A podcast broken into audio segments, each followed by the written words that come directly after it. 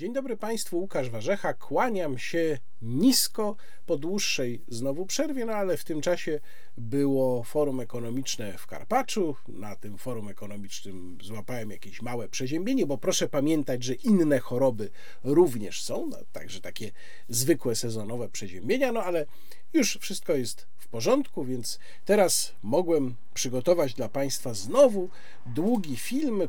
Tutaj mam scenariusz tego, o czym mam mówić. Dużo tego jest, ale proszę się nie martwić, to dzisiaj ja będę głównie gadał, nie Gierek 2.0 albo naczelnik. Ale przede wszystkim bardzo Państwu dziękuję za to, że Państwo tutaj są i chciałbym w szczególności podziękować tym z Państwa, którzy, to mi się często zdarza, gdzieś podchodzą do mnie, przypadkiem mnie spotykając i mówią, że oglądają ten wideoblog.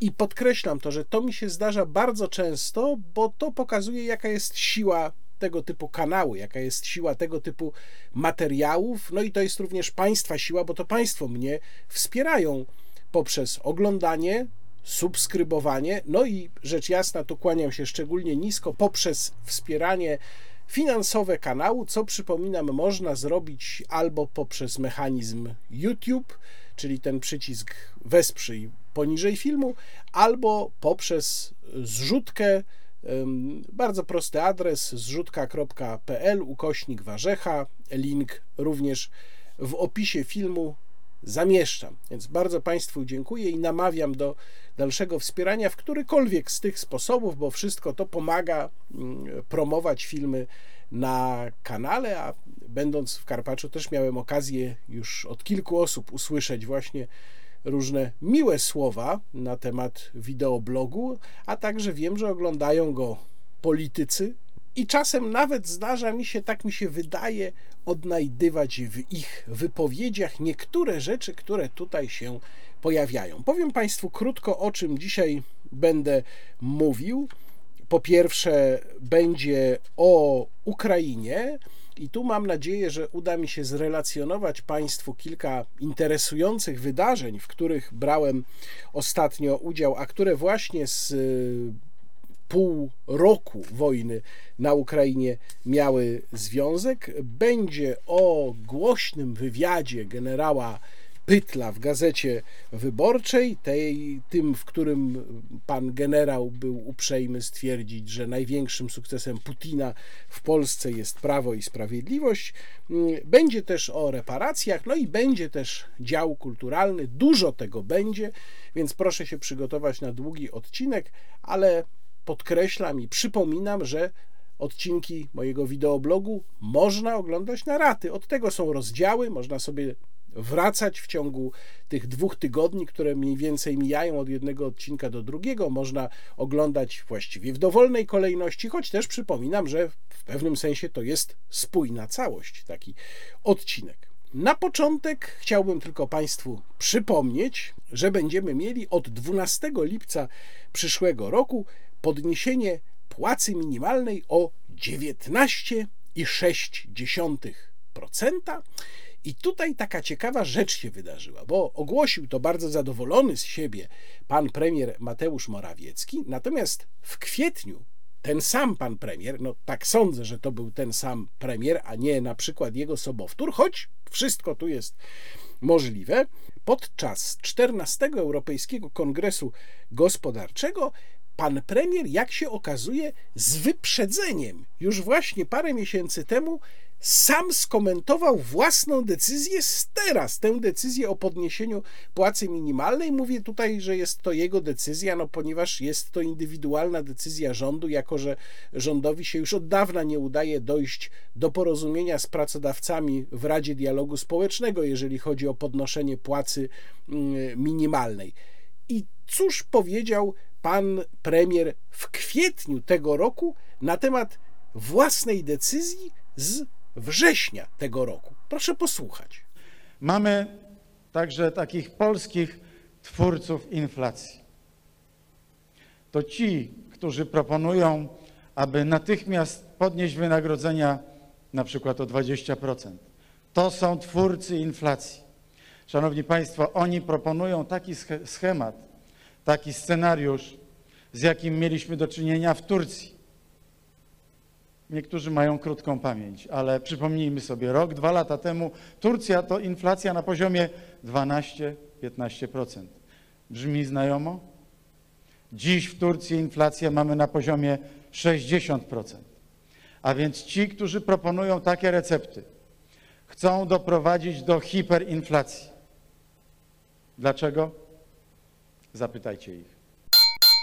To jest miara osiągnięć Mateusza Morawieckiego. Pan premier sam komentuje własne posunięcia i to jeszcze zanim je wykona.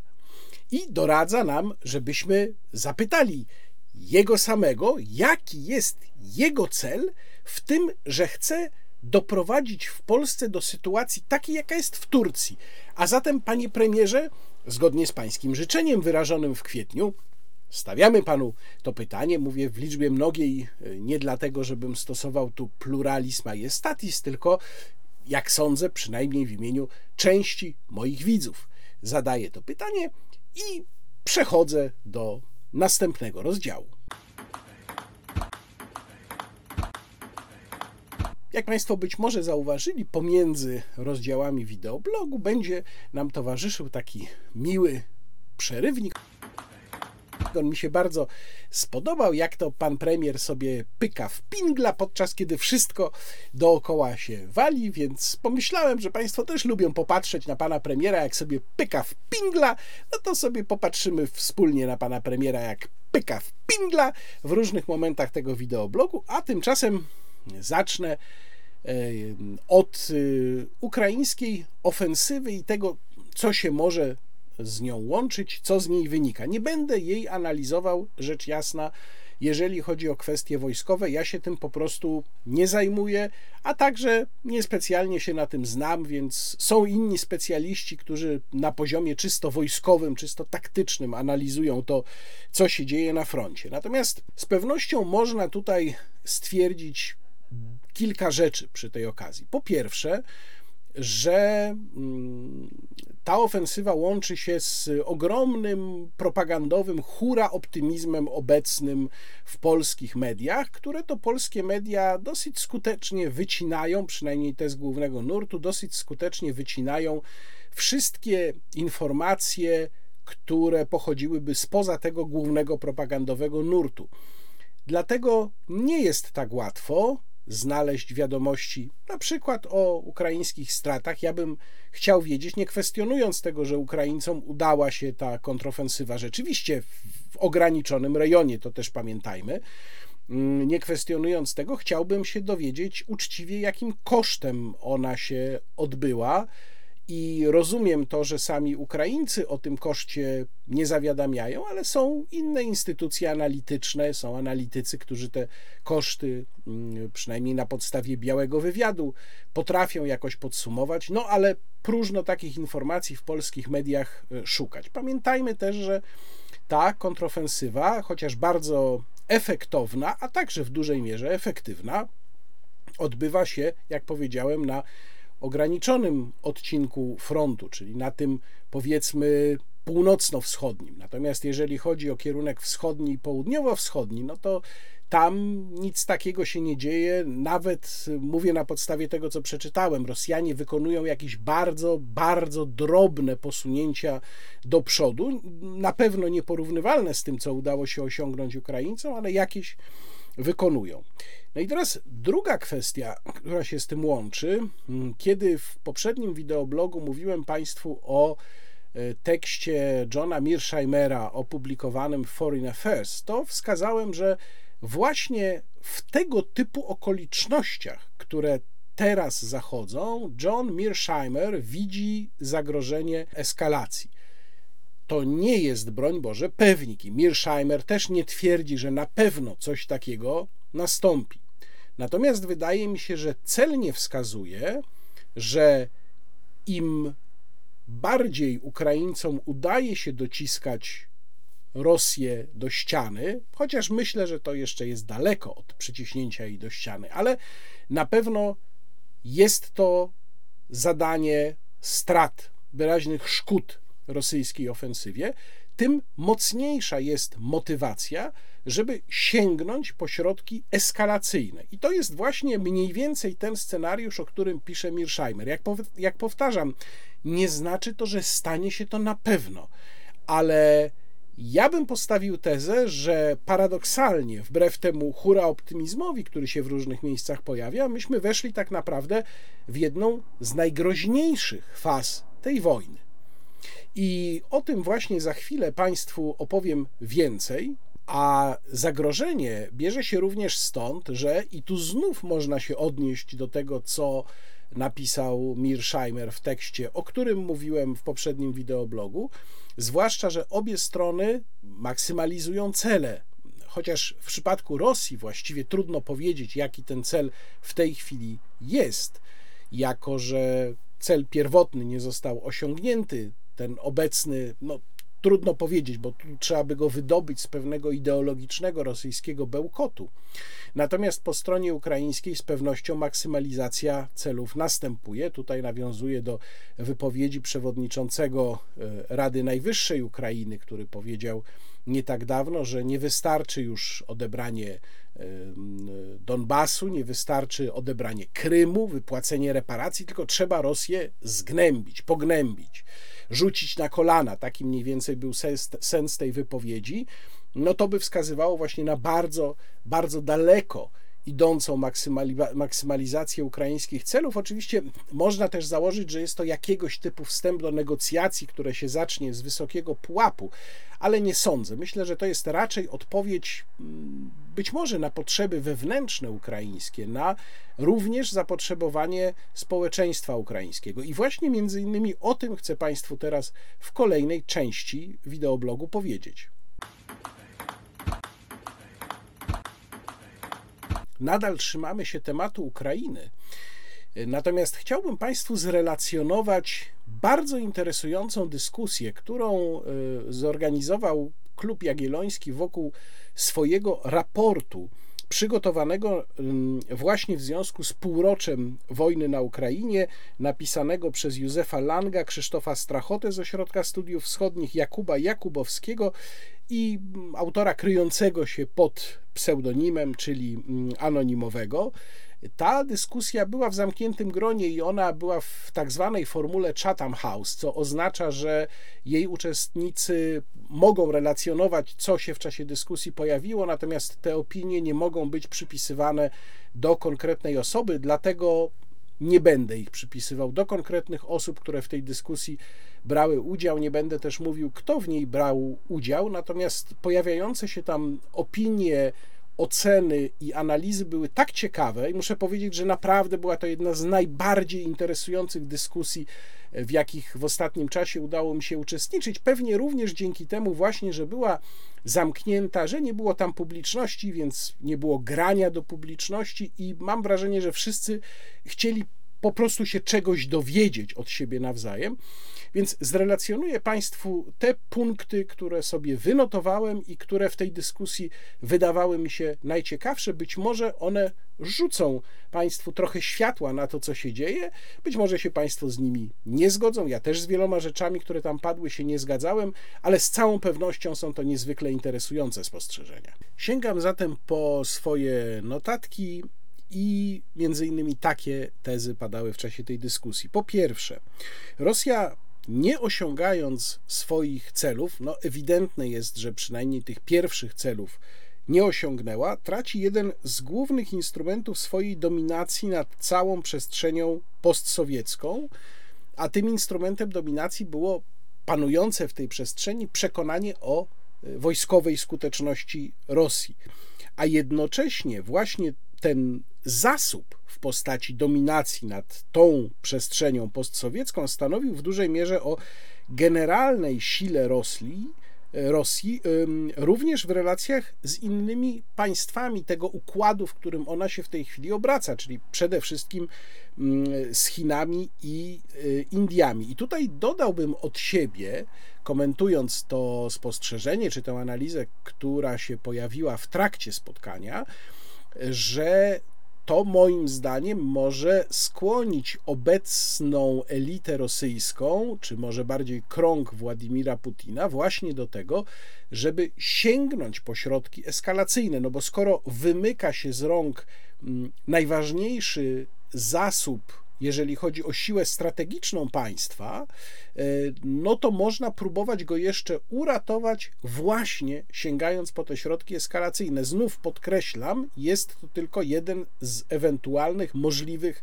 wariantów, ale wydaje mi się, że warto mieć świadomość, że ta sytuacja pewnego mm, coraz mocniejszego dociśnięcia do ściany właśnie taki skutek może e, wywołać.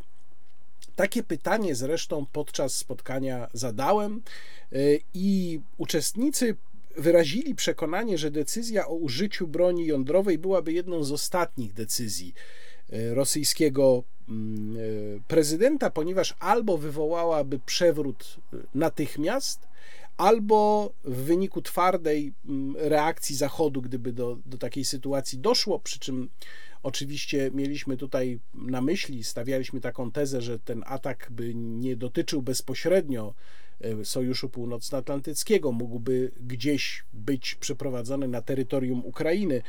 I gdyby była twarda reakcja Zachodu i nie byłoby cofnięcia się Zachodu, no to wtedy również mogłoby w Rosji dojść do jakiejś formy przewrotu. No, tylko, że znów można zadać sobie pytanie, a co jeżeli takiej twardej reakcji Zachodu by nie było? Tu odwołam się znów do Mearshheimera i do tekstu, o którym mówiłem w poprzednim wideoblogu, gdzie Mearsheimer stwierdza, że mm, no, reakcja mogłaby być raczej odwrotna. Reakcja społeczeństw Zachodu, reakcją społeczeństw Zachodu mógłby być rosnący błyskawicznie strach przed y, rosyjską nieobliczalnością.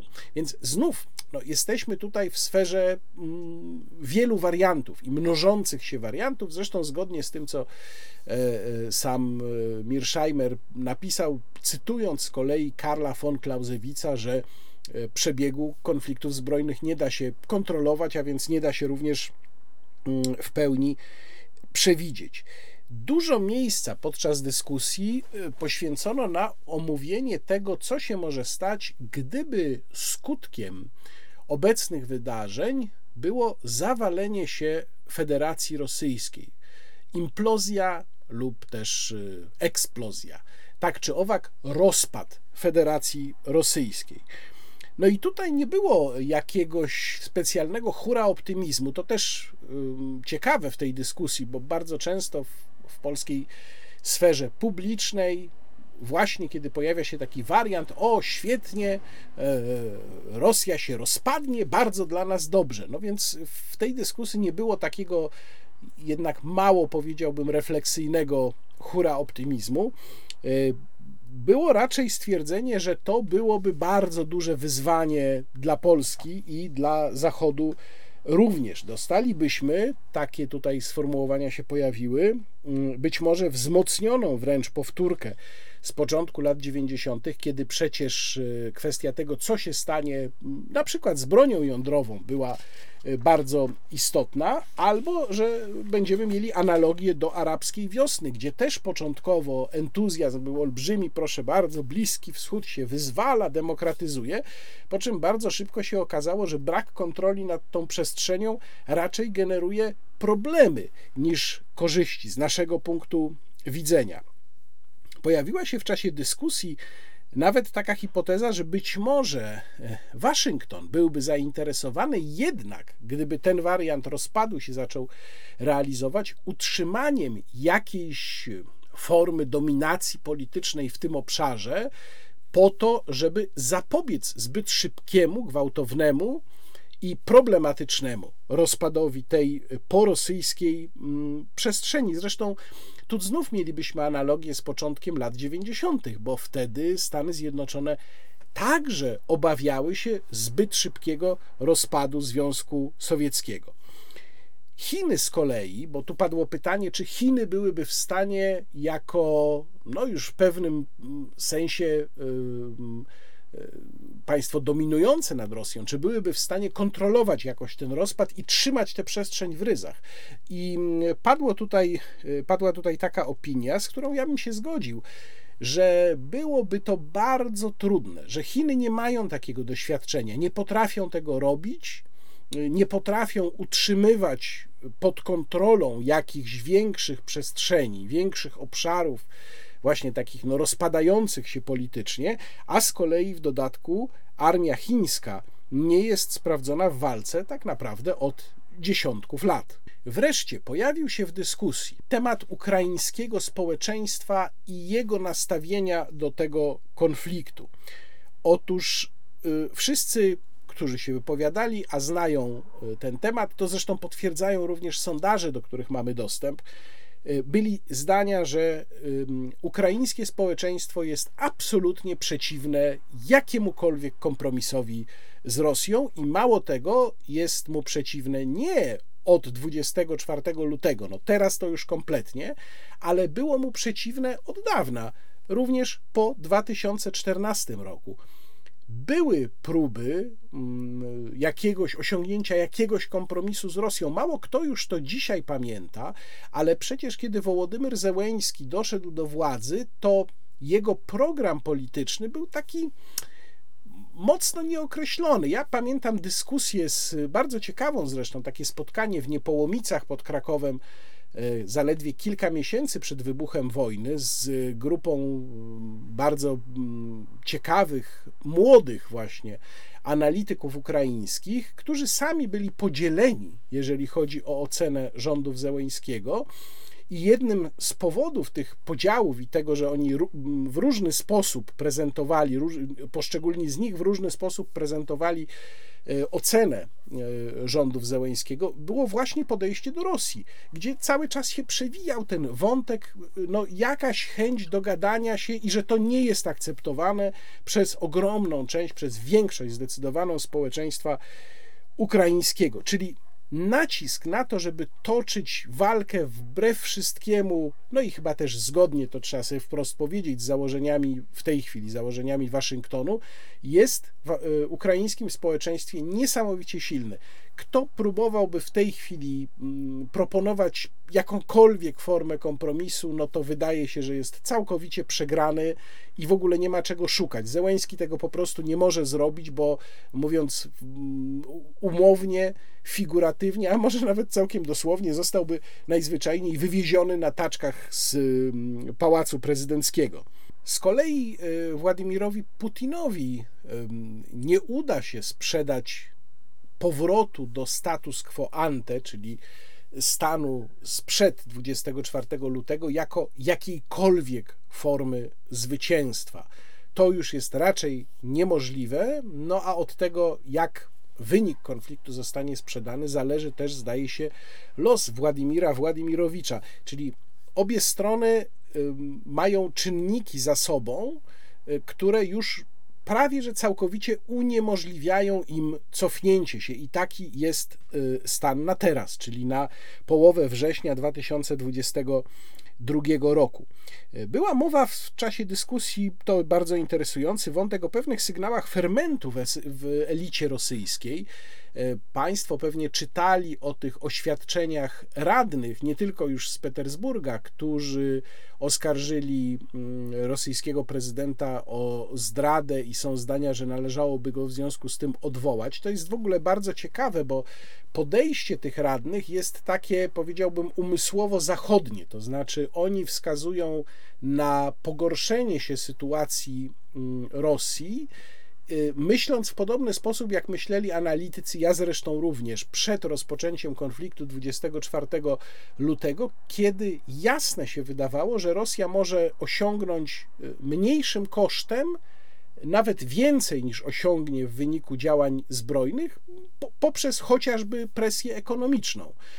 No i ci radni też wychodzą z takiego założenia, że e, rozpoczęcie działań zbrojnych przyniosło ogromne szkody, korzyści przyniosło w sumie niewielkie i można to było zrobić inaczej. Oczywiście to, że można to było zrobić inaczej już w tych oświadczeniach nie pada, ale myślę, że to jest zupełnie oczywiste, tak można to mm, między wierszami y, czytać ale w, interesujący w tym, w tym, na tym spotkaniu był wątek różnego rodzaju komentarzy i analiz które są przedstawiane w mediach społecznościowych w Rosji przez ludzi związanych z aparatem bezpieczeństwa. I padło takie stwierdzenie, że o ile do niedawna te analizy krytyczne wobec sytuacji omijały jednak y, całkowicie osobę prezydenta Putina, to w tej chwili już tak nie jest.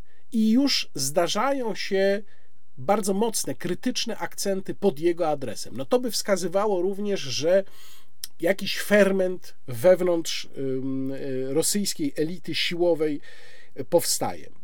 Padło pytanie w czasie spotkania o to, ile zajmie Rosji przestawienie się całkowite, infrastrukturalne, finansowe na współpracę z państwami e, BRICS. Przede wszystkim chodzi o Chiny i Indie, no bo one też geograficznie są stosunkowo blisko. Odpowiedź była taka, że byłoby to mniej więcej 5 do 7 lat, natomiast oznaczałoby rzecz jasna praktycznie całkowitą zależność od Chin brak możliwości podjęcia suwerennej decyzji, na przykład o jakiejś formie porozumienia z Zachodem, gdyby się tak zdarzyło, że ekipa rosyjska w którymś momencie by chciała w ten sposób zmienić swój kurs. Też wskazywano w czasie tej dyskusji, że do tej pory było tak, że Rosjanie dbali dosyć mocno o to, żeby przy dużych inwestycjach zawsze było jakieś zrównoważenie dla czynnika chińskiego, żeby brać to zrównoważenie z zachodu w postaci jakiejś inwestycji zachodniej czy finansowego czynnika zachodniego. No w tej chwili oczywiście jest to już niemożliwe z jasnych powodów. Bardzo interesująco wybrzmiała kwestia zawalenia się niemieckiego modelu obecności politycznej i gospodarczej w Europie. I to jest temat, który w Polsce jest też traktowany dosyć, powiedziałbym, nawet nie hasłowo, ale emocjonalnie, na zasadzie takiej pałki politycznej. O, Niemcom się posypało i cieszymy się. Tymczasem warto się nad tym głębiej zastanowić. Rzeczywiście model niemieckiej dominacji gospodarczej, a co za tym idzie politycznej nad Europą, był w dużej mierze oparty na dobrej współpracy, przede wszystkim surowcowej z Rosją. No i to się w tej chwili zawaliło. W czasie naszej dyskusji e, padło takie stwierdzenie, że Niemcy nie mają w tej chwili alternatywnego mm, pomysłu, że trwa niby dyskusja na ten temat, trwa niby zastanawianie się, co by można zrobić, ale w praktyce żadnej alternatywy na razie przynajmniej nie widać i być może w ogóle nie uda się jej znaleźć. Takie głosy w niemieckiej dyskusji się też już pojawiają, że może w ogóle tej alternatywy nie być. Ale co to oznacza? No to może oznaczać y, po pierwsze, że Niemcy wyjdą trwale z tej sytuacji osłabione, ale to tylko w sytuacji, tylko wtedy, gdybyśmy przyjęli, że wszystko się skończy w wariancie, powiedzmy, dla nas najpomyślniejszym. Inna sprawa, że też można by się zastanawiać, czy akurat takie mocne osłabienie Niemiec, które jednak są motorem gospodarczym Europy, na pewno byłoby dla nas bardzo korzystne, ale zostawmy ten temat na boku.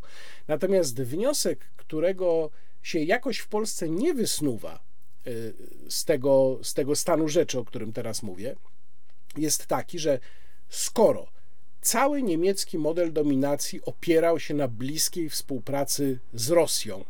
I skoro y, wojna, Putin oznacza, że w tej chwili powrót do tego modelu nie jest możliwy, a nie ma żadnej alternatywy, to znaczy, że Niemcy tym bardziej, cała praktycznie niemiecka elita polityczna, niezależnie od różnic, które tam się pojawiają, cała praktycznie niemiecka elita polityczna będzie dążyła do tego, żeby wrócić do tego modelu. Czyli motywacja to jest trochę tak jak z, tym, z tą perspektywą eskalacji w, pomiędzy Ukrainą a Rosją. Tutaj jest trochę podobnie. Cała motywacja wobec przyciśnięcia Niemców do ściany będzie, żeby jak najbardziej starać się powrócić do tego modelu, no bo nie mamy innego. Więc albo się godzimy na to, że Niemcy jakoś tam spadają w hierarchii, a w każdym razie będzie im trudniej wyegzekwować tę swoją pierwszą pozycję, no albo musimy się postarać za wszelką cenę, żeby wrócić do dawnego modelu. I to jest ten czynnik, którego moim zdaniem w Polsce, który moim zdaniem w Polsce w niewystarczającym stopniu bierze się pod uwagę. Jeżeli szukamy na przykład wyjaśnienia, dlaczego Niemcy z taką tępą uporczywością trzymają się chociażby ewidentnie no, topiących europejską gospodarkę, a zwłaszcza polską gospodarkę, reguł dotyczących polityki klimatycznej, no to właśnie dlatego, że oni w trzymaniu się tego dawnego kursu widzą w zasadzie jedyną szansę, żeby samemu utrzymać się przy sterze. Więc kiedy myślimy o nowym lub też starym nowym układzie sił w Europie, to miejmy tę świadomość. Wreszcie kolejne ciekawe spostrzeżenie, które tam się pojawiło w czasie naszej dyskusji, było takie, kto ma pieniądze, padło pytanie, kto ma pieniądze na odbudowanie wschodu, na odbudowanie Ukrainy, która jest przecież no, nieprawdopodobnie wręcz wyniszczona gospodarczo. Pieniądze mają tylko dwa państwa: Stany Zjednoczone i Niemcy, właśnie. Stany Zjednoczone, które rozpraszają swoje środki na różne miejsca, przede wszystkim na dwa wielkie teatry strategiczne, czyli teatr ten europejski i ważniejszy tak naprawdę dla Stanów Zjednoczonych teatr azjatycki, no a Niemcy mają to swoje pole tutaj. I to jest też kolejny czynnik, który warto brać pod uwagę. A skoro o Stanach Zjednoczonych mowa, no to też pamiętajmy, że w listopadzie będziemy mieli wybory, cała Izba Reprezentantów y, będzie wybierana i 35 członków Senatu, te midterm elections, czyli wybory pomiędzy wyborami prezydenckimi w połowie kadencji prezydenta. E, I kolejna właśnie z tym związana ciekawa rzecz, która padła w tej dyskusji, że no, republikanie bardzo wyraźnie sygnalizują, że Amerykanie mają problemy u siebie w, w środku, w kraju i że powinni skupić się przede wszystkim na ich rozwiązywaniu. Że to powinna być w tej chwili podstawowa dla nich kwestia, więc jest możliwe, że e, bardzo prawdopodobna wygrana republikańska będzie oznaczała jakąś rewizję polityki, jeżeli chodzi o kwestię konfliktu na Ukrainie. Być może nie bardzo głęboką, pewnie nie jakąś całościową, nie zwrot o 180 stopni, ale na przykład poziom zaangażowania już może zostać zrewidowany. No i wreszcie ostatni punkt, też ciekawy. Pamiętajmy o tym, że Chiny zbliżają się do 20 zjazdu KPH. Ten 20 zjazd KPH będzie weryfikował dokonania i pozycję Xi Jinpinga a tymczasem Chiny mają bardzo trudny e, rok. Trudny gospodarczo, to nie jest najlepszy dla Chin rok pod tym względem. Siada demografia, ogromna susza, jednocześnie zaczynają się powodzie. E, duża część kraju nadal, czy znów w lockdownie w związku z wiadomo chorobą. No i do tego jeszcze właśnie problem ukraiński, który przecież nie poszedł, znaczy cała ta kwestia nie poszła po myśli chińskiej, bo miało być inaczej. I jeżeli przed wybuchem wojny Władimir Putin Xi Jinpingowi prezentował e, jakby ofertę, co on zamierza zrobić, no to prezentował ją też inaczej. To miało wyglądać inaczej, a zrobił się z tego przewlekły, długi, niewygodny także w jakiejś mierze dla Chińczyków problem. Tyle, jeżeli chodzi o spotkanie zorganizowane przez Klub Jagielloński. Naprawdę znakomite. Tam oczywiście dużo jeszcze więcej było takich ciekawych punktów, ale zrelacjonowałem Państwu tylko te najważniejsze i teraz opowiem o jeszcze innym spotkaniu. Nieco wcześniej, kilkanaście dni temu, brałem udział w dorocznym spotkaniu współpracowników i przyjaciół Ośrodka Studiów Wschodnich. OSW ma taki zwyczaj, że organizuje tego typu spotkania. Co roku na tym spotkaniu zresztą dotychczasowy dyrektor OSW Adam Eberhard ogłosił swoje odejście ze stanowiska. Jak być może Państwo wiedzą, przeszedł na stanowisko wiceprezesa Warsaw Enterprise Institute.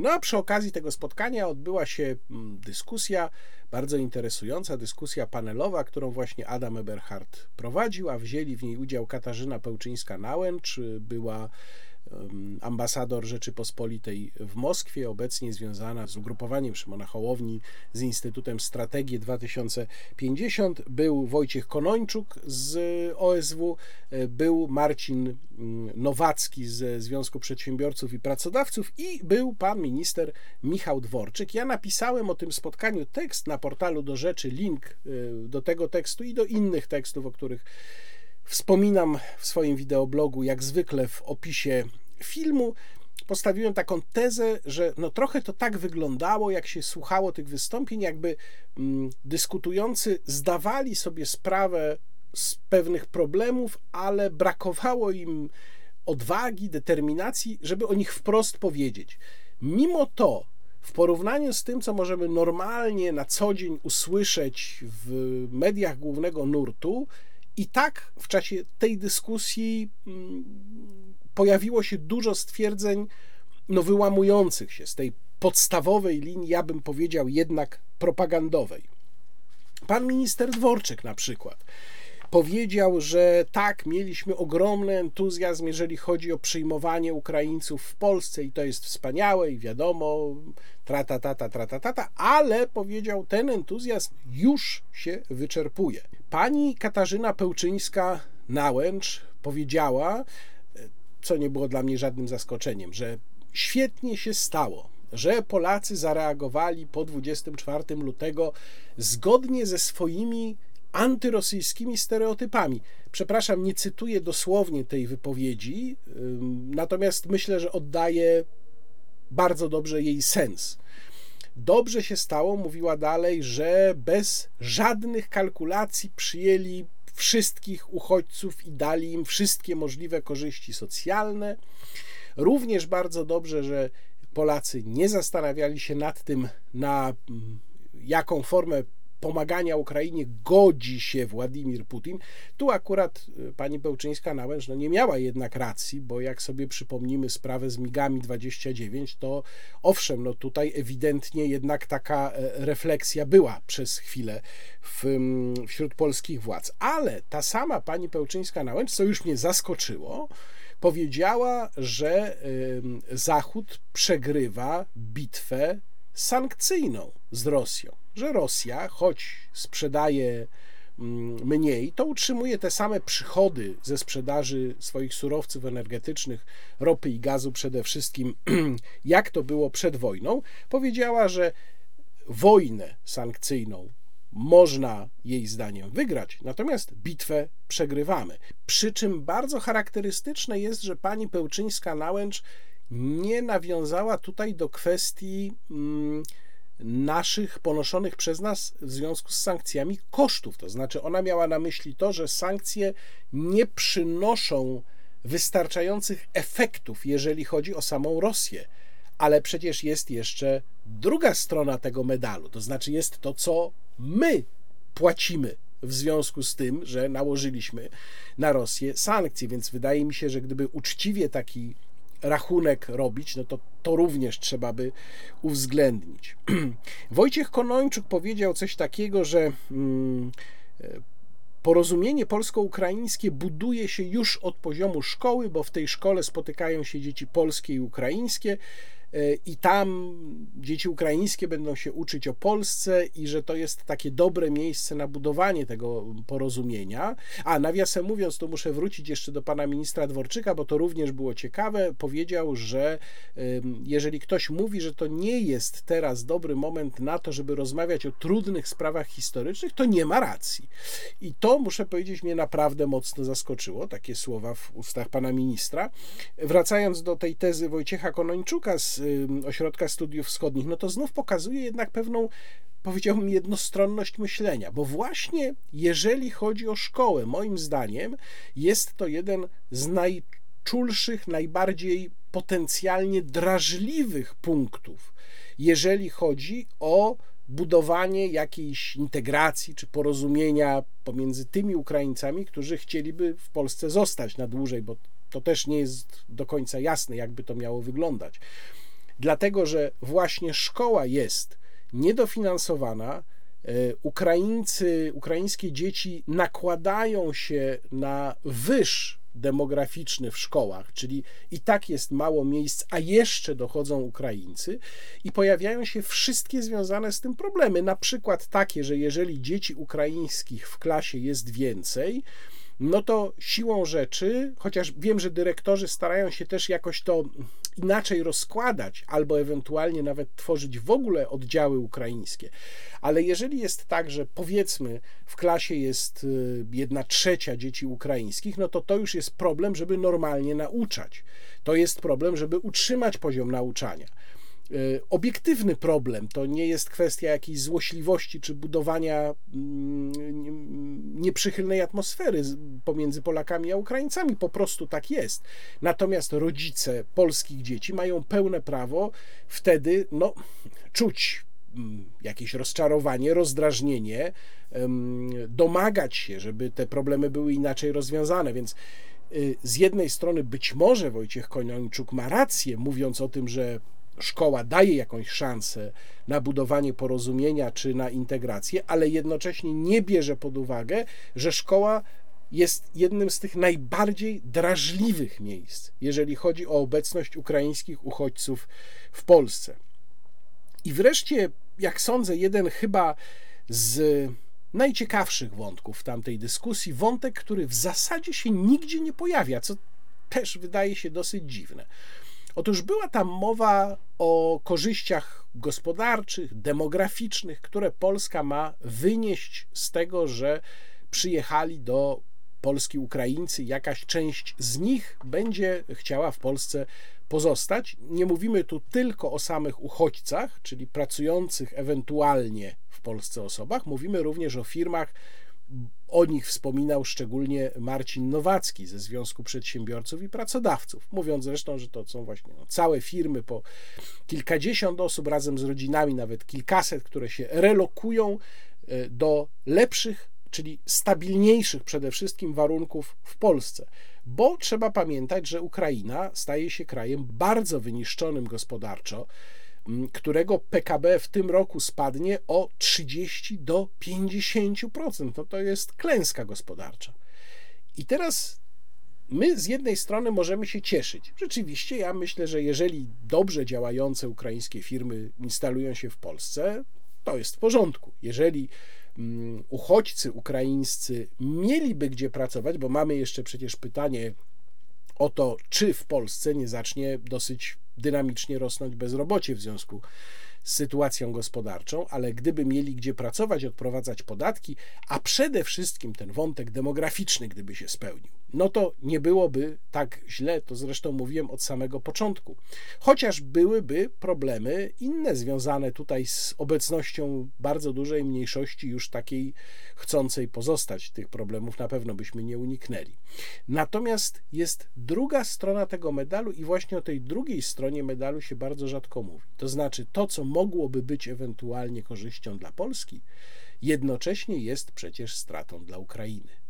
I to się w tej dyskusji pojawiło, jak mówię, rzecz, o której bardzo rzadko się wspomina, że przecież następuje mm, uchodźczy i emigracyjny drenaż Ukrainy z pracowników, zwłaszcza ze zdolnych pracowników, ze specjalistów wyżej wykwalifikowanych, także z firm.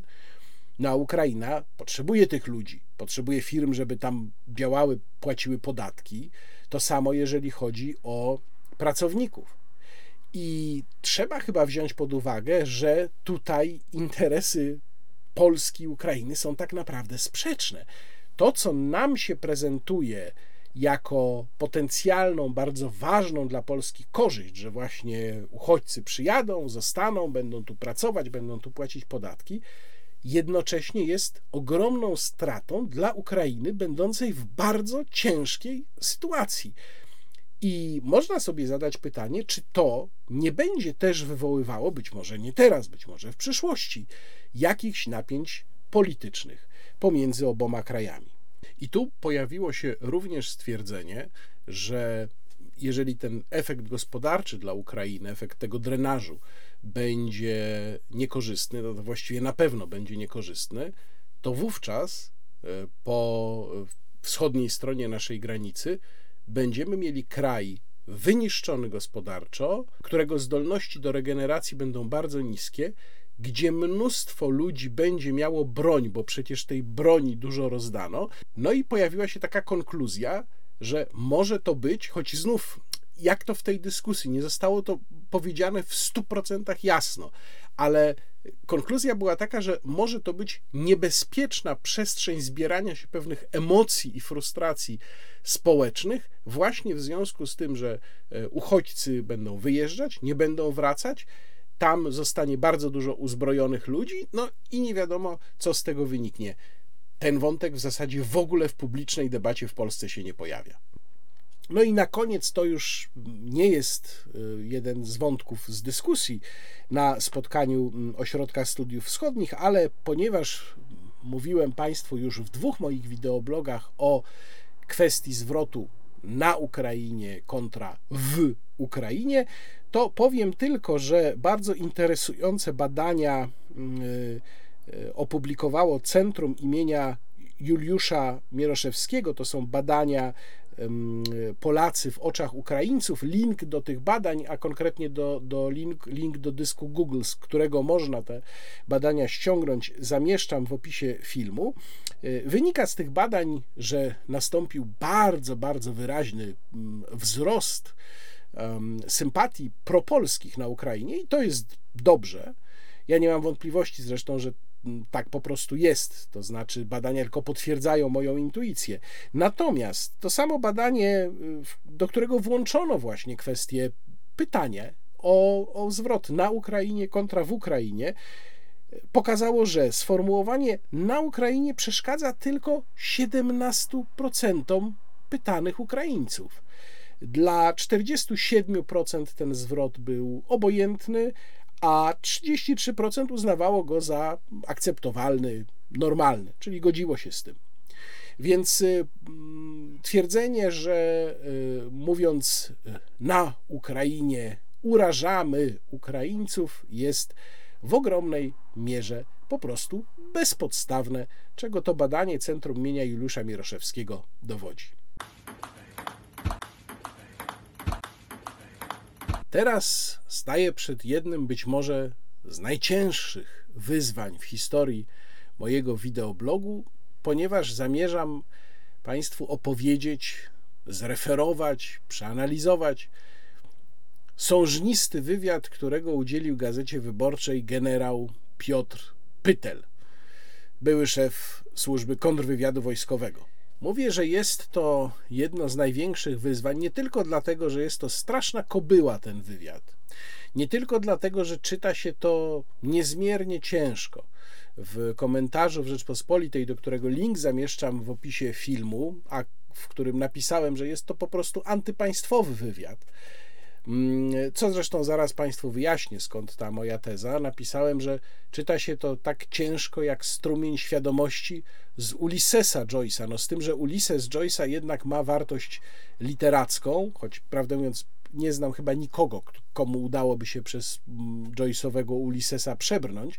Natomiast ten wywiad nie ma żadnej wartości literackiej, a i poznawczą ma w zasadzie niewielką, chyba że chcemy poznać y, jakieś paranoiczne zameandrowania umysłu człowieka, który jest, y, który cierpi na antypisowską fiksację.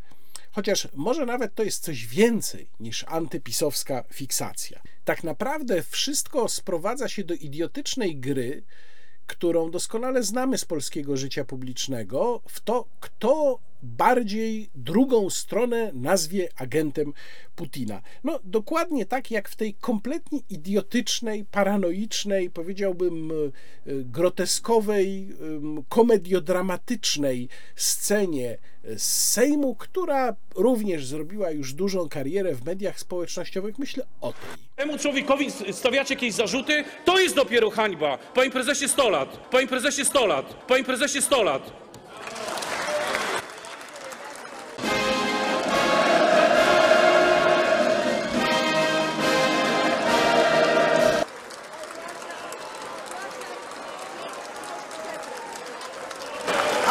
5 minut przerwy.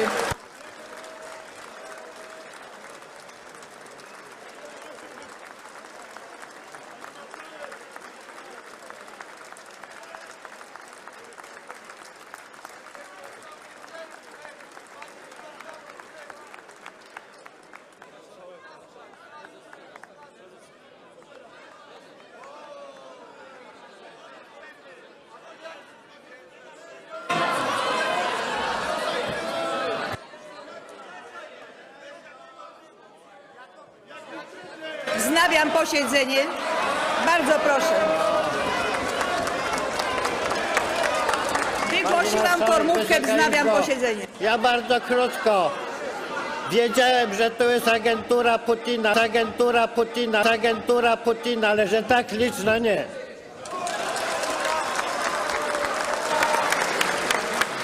Dwie takie informacje. Szarama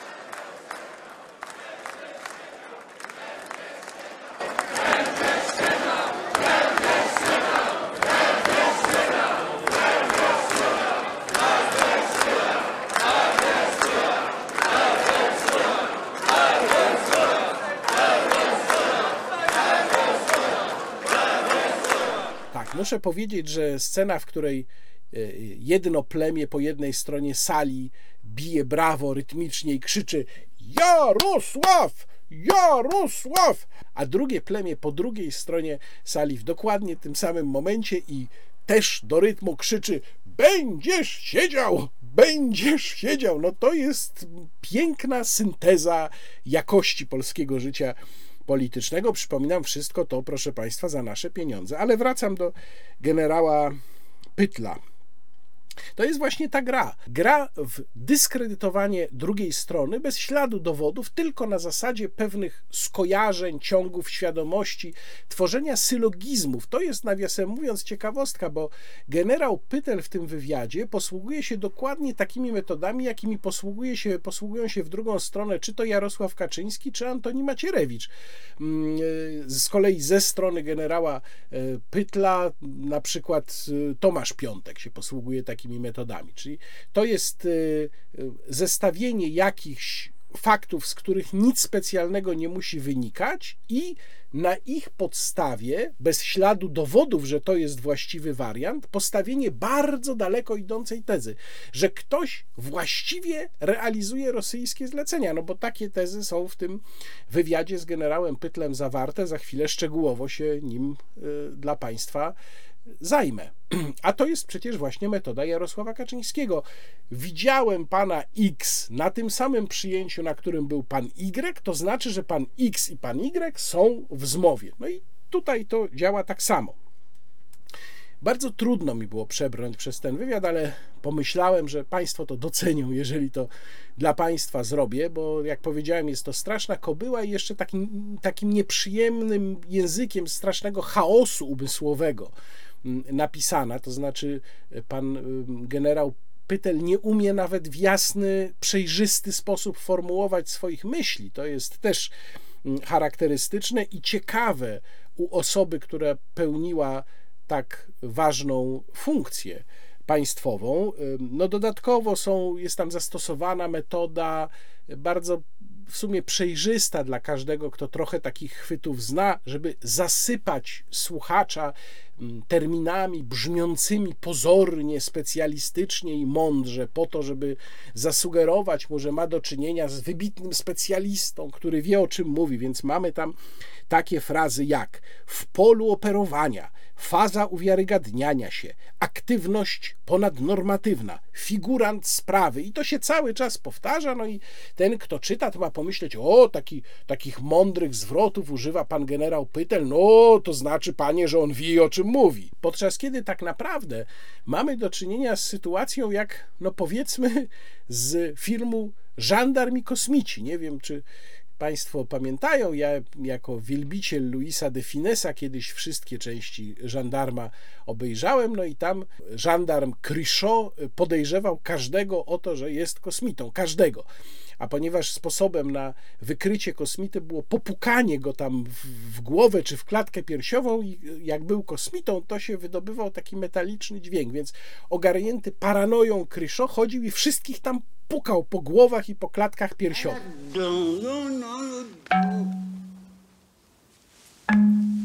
No i to jest trochę tak właśnie z tymi tezami generała Pytla. I teraz mm, bardzo przepraszam, ale rzeczywiście zrobiłem sobie szczegółowe notatki z tego wywiadu. Mm, wyciągnąłem, żeby pokazać, jak to wygląda, wyciągnąłem, no myślę, że większość, choć na pewno nie wszystkie takie paranoiczne punkty. Mam tego dużo, mam przed sobą kilka stron takich notatek. Proszę wybaczyć, będę to teraz z Państwem przechodził, po to, żeby właśnie pokazać, że moja opinia nie jest tutaj gołosłowna, ale myślę, że to też y, warto mm, przeanalizować, żeby zobaczyć, jakimi tropami idzie rozumowanie osób takich jak generał Pytel lub, lub osób, które uważają, że generał Pytel nam objawia jakąś prawdę o y, polskiej rzeczywistości politycznej. Otóż mamy przede wszystkim dużo bardzo daleko idących tez, bez śladu poparcia tych tez jakimikolwiek dowodami. Na przykład o Morawieckim mówi pan generał, może być nawet rosyjskim agentem, czego w żaden sposób nie uprawdopodobnia w żadnym miejscu. O Brexicie mówi wprost, to była operacja rosyjska, też nie podając absolutnie żadnego dowodu, to znaczy, no nie wiem, agenci Rosji zagłosowali za Brexitem w Wielkiej Brytanii czy co. E, dalej. I to jest jedna z podstawowych tez w ogóle przewijających się w tym wywiadzie. Tylko dzięki jego wysiłkom i nawiązaniu rozmów, tu jest mowa o Joe Bidenie, i nawiązaniu rozmów z naszym prezydentem, rząd zostaje zmuszony do pomocy Ukrainie. Do tego reakcja polskiego społeczeństwa jest taka, że PiS staje się zakładnikiem sytuacji. I to jest diagnoza pana generała dotycząca samego początku konfliktu na Ukrainie. Otóż jest to kompletny absurd. Rząd PiS od samego początku zanim w ogóle nadeszła jakakolwiek reakcja, zanim można było stwierdzić, jaka będzie w chociaż odrobinę dłuższym czasie reakcja Polaków, rząd Prawa i Sprawiedliwości był no, maksymalnie proukraiński, jak tylko się dało. To nie był efekt żadnego nacisku, po prostu wyczuli koniunkturę polityczną. Jest zresztą całkowicie jasne, że każdy rząd na świecie działa tak, jak mu dyktuje jego opinia publiczna. Polska opinia publiczna jest niezwykle emocjonalna i szczególnie jest emocjonalna właśnie w przypadku tego konfliktu, no więc trudno się dziwić, że rząd PiS również na tej fali mm, emocjonalnego entuzjazmu wobec Ukrainy jedzie. To nie znaczy, że realizuje jakiś rosyjski zamysł. Dalej, taki przykład zdania, w którym mieści się aż kilka fałszów naraz. Właściwie kilku zdań. Od początku oczekiwałem, mówi pan generał, że PiS znajdzie formułę oficjalnego powrotu do polityki sprzed wojny na Ukrainie, proputinowskiej. Stąd też ich wypowiedzi, że Niemcy są groźniejsi od Rosji może PiS szuka sposobu ponownego otwarcia się na rosyjski gaz. No więc w jednym zdaniu, przepraszam, w trzech zdaniach jest multum fałszów. Po pierwsze, polityka PiS nie jest i nie była nigdy proputinowska. To jest taki frazes, którym pan generał rzuca to tu, to tam, uznając, że nie musi go już w żaden sposób udowadniać.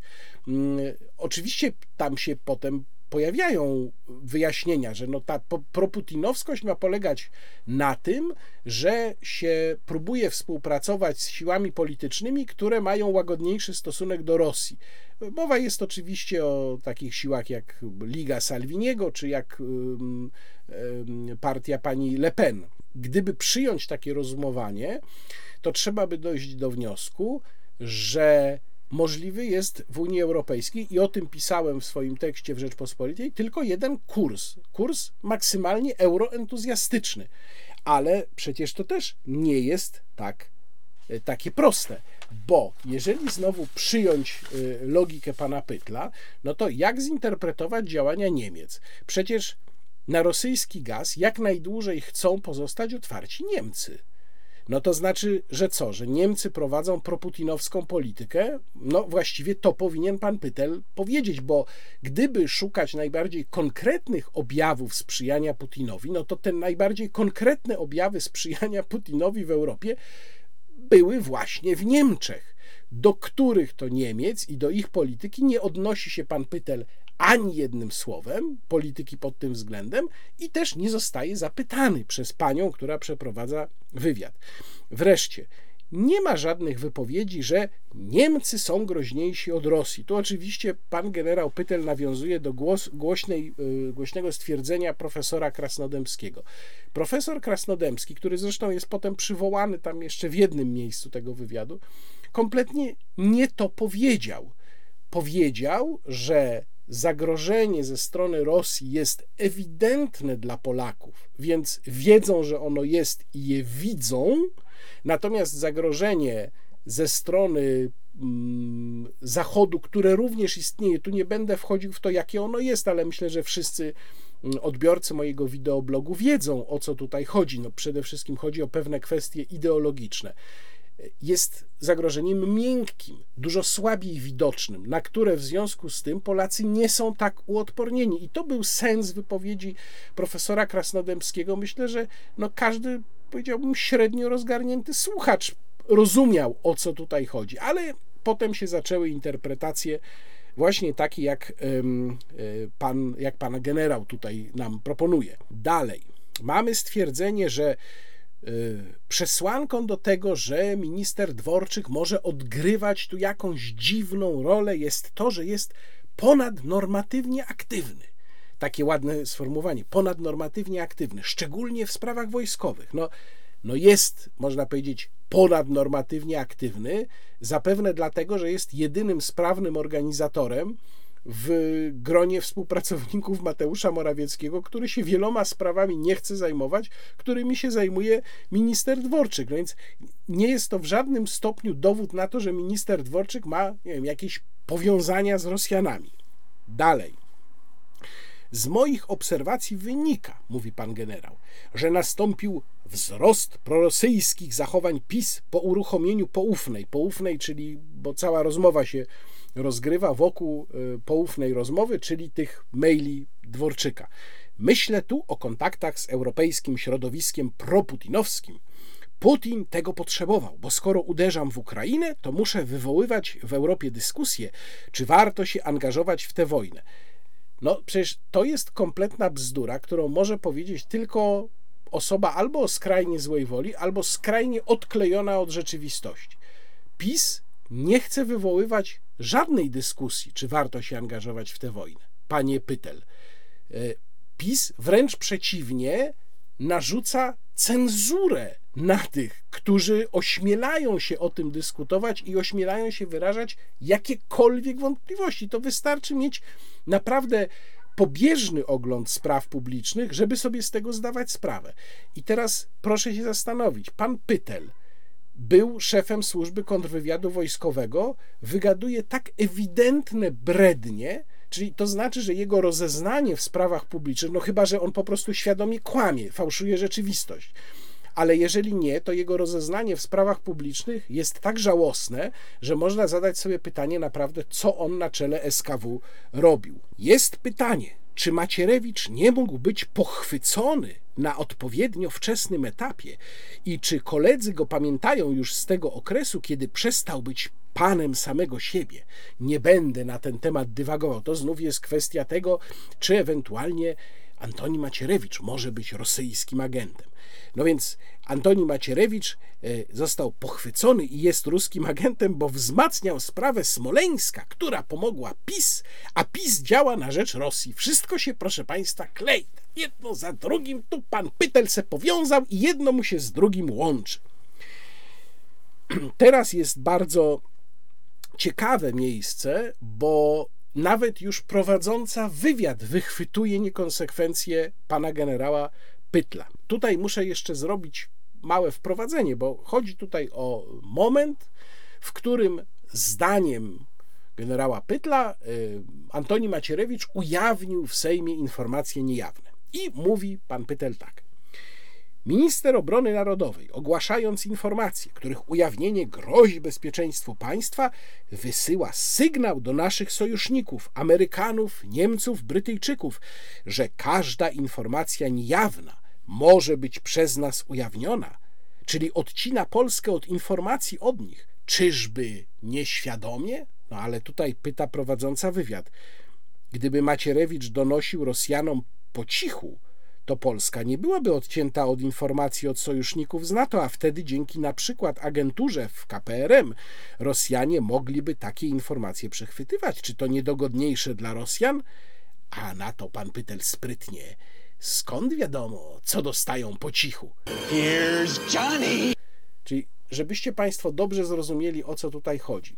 Najpierw pan Pytel twierdzi, że Antoni Macierewicz ujawnił w Sejmie niejawne informacje po to, żeby w ten sposób je przekazać Rosjanom. Prawda? Taki sygnał, że powiedział to, co miał im ujawnić, to nie po cichu, tylko głośno żeby no, zatrzeć ślady i żeby, żeby nie było śladu tego kontaktu z Rosjanami. No, ale w tym momencie y, słusznie zauważa prowadząca wywiad, że no ale halo, skoro o, o, y, sam pan generał Pytel mówi, że taki sygnał oznacza dla naszych sojuszników, żeby nam nic nie ujawniali, to Rosjanie w ten sposób sterując Macierewiczem, sami by sobie zamykali drogę do dalszych informacji.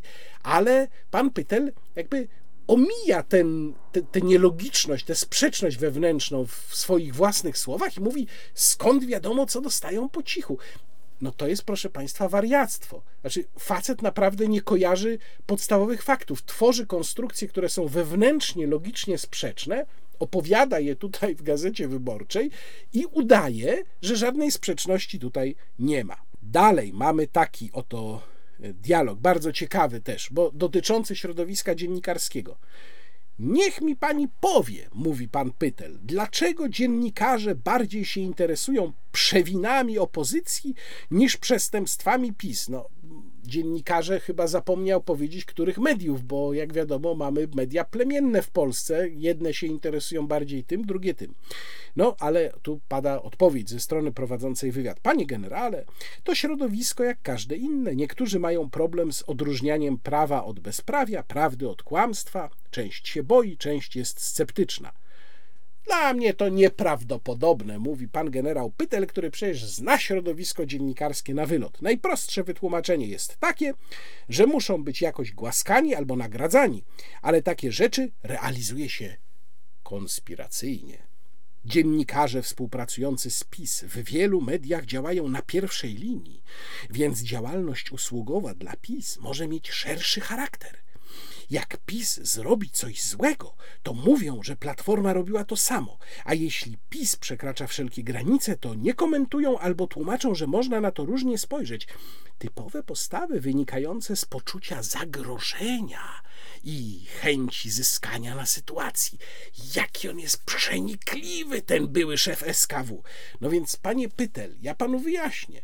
To są zachowania wynikające ze zwykłego koniunkturalizmu, który zawsze występował w środowisku dziennikarskim i jest obecny, panie Pytel, po obu stronach. I to nie znaczy, że jednego czy drugiego dziennikarza z tej czy z innej strony jacyś Ruscy trzymają tam wiadomo za co i straszą go i mówią broń pan PiSu, bo jak nie, to pokażemy tylko wynika to po prostu z tego, że PiS się otoczył funkcjonariuszami medialnymi, którym dobrze płaci. Czasem, panie Pytel, dobrze jest zastosować brzytwę Okhama. Nie wiem, czy pan kiedyś o czymś takim słyszał. Kolejna rzecz, to jest teraz dobre. Mówi pan Pytel tak, a wyjazd Kaczyńskiego i Morawieckiego do Kijowa i propozycja wprowadzenia sił stabilizacyjnych to uruchomiło Ławrowa Polska czyha na swoje dawne terytoria na Ukrainie. Czy Kaczyński ma taki budyń w mózgu, że bąknie coś takiego bez konsultacji? Nie wierzę. To propozycja dużego kalibru. Musiała być przygotowana i dałbym spore pieniądze, żeby się dowiedzieć, kto za tym pomysłem stał, bo to była idea kogoś, kto robi dla Rosjan. Czyli, proszę Państwa, wyprawa kijowska Jarosława Kaczyńskiego e, i do tego ówczesnego premiera Czech i Słowenii była pomysłem ruskich tak naprawdę. My tego nie widzieliśmy, ale generał Pytel to dojrzał. Po prostu agenci ruscy w Warszawie, w Lublianie i w Pradze wzięli i zorganizowali tę wyprawę kijowską pod ruskim ostrzałem. To jest genialne. Zaraz się dowiemy i ja czekam na taką analizę pana generała Pytla, że Ronald Reagan, panie, robił dla ruskich. I Ronald Reagan, robiąc dla ruskich, pojechał do Berlina Zachodniego i powiedział do Gorbaczowa: Panie Gorbaczow, zbóż pan ten mur. Mr. Gorbachev, tear down this wall. To wszystko dla ruskich było. Ale jeśli państwo nie potrafią jeszcze nadążyć za genialnym przebiegiem myśli pana generała Pytla, to proponuję, przeczytajcie państwo na przykład takie zdanie z tego wywiadu.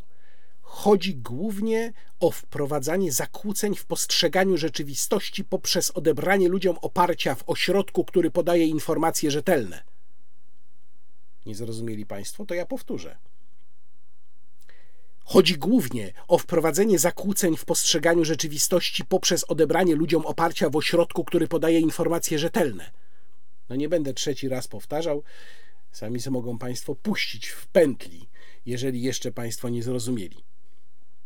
Wreszcie, w całej rozmowie mamy spojrzenie wyłącznie z punktu widzenia wielbiciela opozycji. Na przykład pan generał Pytel mówił, PiS odebrał ludziom zaufanie do państwa, kompletnie nie uwzględniając, że w Polsce różne obozy polityczne, a dwa obozy polityczne co najmniej od 2005 roku stały naprzeciwko siebie i że w trakcie rządów Platformy Obywatelskiej, przypominam, dwie kadencje, była ogromna część ludzi, którzy nie mieli zaufania do państwa wtedy. No ale to już przekracza plemienną perspektywę patrzenia pana generała Pytla. Kolejne oskarżenia bez śladu dowodu. Mówi tak generał Pytel. Jestem przekonany, przekonany. Nie mam dowody, nie wyjaśnię pani dlaczego tak uważam, tylko jestem przekonany, że Pegasus był także stosowany w kampanii prezydenckiej Rafała Trzaskowskiego w 2020 roku. Tu kazus Sławomira Nowaka, który był w jego sztabie wyborczym. Tam, gdzie był telefon Nowaka, było podsłuchiwanie wszystkich ze sztabu, co na gruncie prawa polskiego jest nielegalne.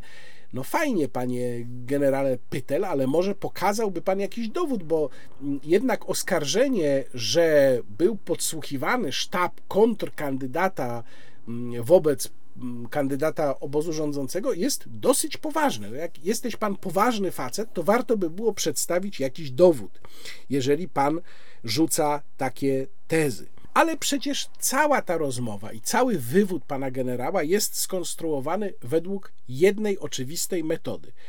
Y, czyli wszystko, co może inaczej tłumaczyć działania PiS niż to, jak je tłumaczy generał Pytel, jest w gruncie rzeczy skutkiem oddziaływania Rosjan na psychikę ludzi. To znaczy, jeżeli ktoś się nie zgadza z generałem Pytlem co do tego, że PiS realizuje prorosyjską politykę, no to są tylko dwie możliwości. Albo został zmanipulowany przez ruskich, albo sam jest ruskim agentem. Tertium non datur, prawda?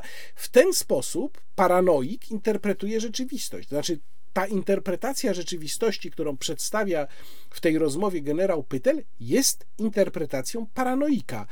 Paranoik, jak wiadomo, osoba, którą dręczy mania prześladowcza, ma to do siebie, że każda sytuacja, która nie pasuje tak naprawdę do schematu, który ona ma w głowie, jest przez nią interpretowana jako tym bardziej potwierdzająca ten schemat. I jak się czyta tę rozmowę, to dokładnie tak właśnie rozumuje generał Pytel. Dalej spójrzmy, pojawia się takie zdanie. Już jesteśmy odseparowani od Unii i NATO. To też dzieło PiS. W ogóle największym sukcesem Rosji w Polsce jest PiS. To jest to najsłynniejsze zdanie. Co to znaczy jesteśmy odseparowani, panie generale Pytel? W jaki sposób jesteśmy odseparowani od NATO? Że co? Że jak? Czy mógłby pan to zdefiniować? Czy mógłby pan jakieś dowody przedstawić? No ale jeżeli chodzi o fakty, to pan generał Pytel tutaj mm, nie po raz pierwszy zresztą ma z tym problem, bo spójrzmy na taki oto konkretny przykład, kiedy się pan generał raczył był minąć z faktami. Mówi tak. Przypomina mi się debata Komorowskiego z Kaczyńskim z kampanii prezydenckiej w 2010 roku. Kaczyński powiedział, że kwestie polityki wobec Białorusi należy uzgadniać z Rosją. No to ja, proszę Państwa, sobie sprawdziłem, co wtedy powiedział tak naprawdę Jarosław Kaczyński. Otóż Jarosław Kaczyński powiedział tak: tematem była akurat sytuacja Polaków na Białorusi. I Kaczyński powiedział tak: Musimy chronić Polaków za granicą, a w tej chwili tymi Polakami, którzy wymagają najdalej idącej ochrony, są Polacy na Białorusi. To jest sprawa, o której warto rozmawiać także z Moskwą. Czyli Kaczyński mówi, że o sytuacji Polaków na Białorusi warto rozmawiać z Moskwą, dlatego że no, oczywiście Moskwa ma wpływ na Białoruś. A co twierdzi pan generał Pytel, że Kaczyński powiedział? Że kwestie polityki wobec Białorusi należy uzgadniać z Rosją. No to znaczy, że albo generał Pytel rzuca bez sensu, bo coś tam mu zadzwoniło, nie wie w którym kościele coś mu się pomieszało, albo po prostu świadomie kłamie. Ale to nie jest koniec bo w tej samej rozmowie, żeby było śmieszniej, w tej samej debacie prezydenckiej, żeby było śmieszniej, warto sobie jeszcze przypomnieć, co mówili Bronisław Komorowski i Jarosław Kaczyński na inne tematy, bo tam na przykład pojawiła się kwestia umowy gazowej z Rosją. I mówił tak Bronisław Komorowski. Należy równolegle prowadzić negocjacje, z negocjacje z dostawcami gazu klasycznego i budować szanse na pozyskanie gazu łupkowego. Jak się okaże, że jest jedno i drugie, to musimy zrobić to, co zrobili Niemcy. Mieć możliwość negocjacji umowy ze stroną rosyjską, albo będziemy mieli szansę jej niepodpisywania. A Jarosław Kaczyński mówił wtedy, nawet gdyby gazu łupkowego nie było, ja byłbym przeciwnikiem podpisywania tak długotrwałych umów i w ogóle dziwię się, że rząd, obecna władza tego rodzaju rozwiązanie bierze pod uwagę.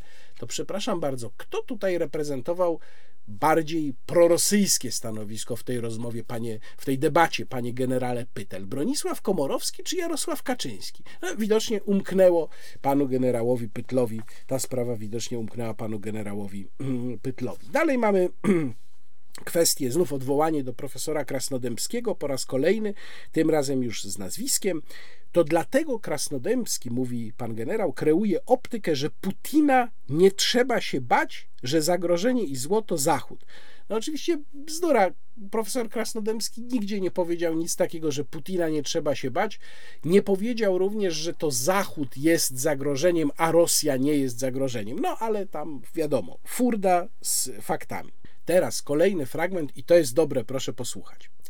Czytając poufną, mówi pan generał, widzimy, że jego wypowiedzi są przygotowane. Mowa o Mateuszu Morawieckim. Tam ktoś dobrze zna zasady oddziaływania kłamstwem. Zwykle ludzie nie weryfikują informacji. Rosjanie i Białorusini wiedzą, że opłaca się kłamać. Opozycja przegrywa dlatego, że tam są ludzie, którzy mają blokadę przed takim kłamaniem. Wolę, żeby przegrywała, niż kłamała. Wzruszył mnie naprawdę ten fragment. Jest również mowa o Ordo Juris i mówi tak pan generał. O Ordo Juris nie słyszałem, dopóki nie objawili się w Polsce.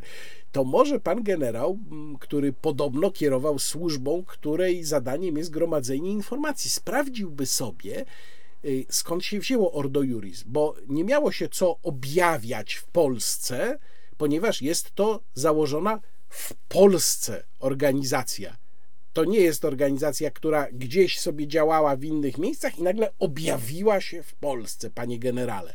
Ona została po prostu w Polsce założona. No i rzecz jasna, pan generał tu snuje wizję taką, jak wielu takich krytyków Ordo Juris, nagle się okazało, że są w stanie wprowadzać swoich ludzi do rządu, że mogą uczestniczyć w procesie osób, które rzekomo znieważyły nauczycielkę akademicką. A pan słyszał o czymś takim jak pełnomocnik, panie generale, bo pan chyba przed sądem stawał w różnych sprawach, prawda? To chyba zdaje pan sobie sprawę z tego, że może ktoś powołać swojego pełnomocnika w procesie i tym pełnomocnikiem może być prawnik z Ordo Juris. Czy to panu umknęło jakoś? To może proszę sobie poczytać kodeks postępowania cywilnego i kodeks postępowania karnego. Trudno określić, czym się zajmują, mówi dalej ochroną osób dręczonych przez pogan, czy wejściem w politykę i oddziaływaniem na nią. Jak pan generał się do mnie zgłosi, to ja panu generałowi wyślę link do strony Ordo Juris. Tam będzie pan mógł sobie sprawdzić, czym się Ordo Juris zajmuje. No i wreszcie, żeby zakończyć ten wątek, to chciałbym Państwu przeczytać, bo tam też są takie osobiste refleksje pana generała, który trochę o sobie opowiada, bardzo takie wzruszające, i mówi pan generał tak. Jak wchodzę do lasu, to obiecuję sobie, że nie na dłużej niż trzy godziny, a jestem do zmierzchu. Mój pradziadek ze strony matki był drwalem. I'm a lumberjack and I'm okay. I sleep all night and I work all day. Więc to może geny. Podobno jestem jego sobowtórem. Zginął od uderzenia pioruna i może mnie też pier... Człowiek się odpręża, wywala złe emocje. Lubię robić w drzewie.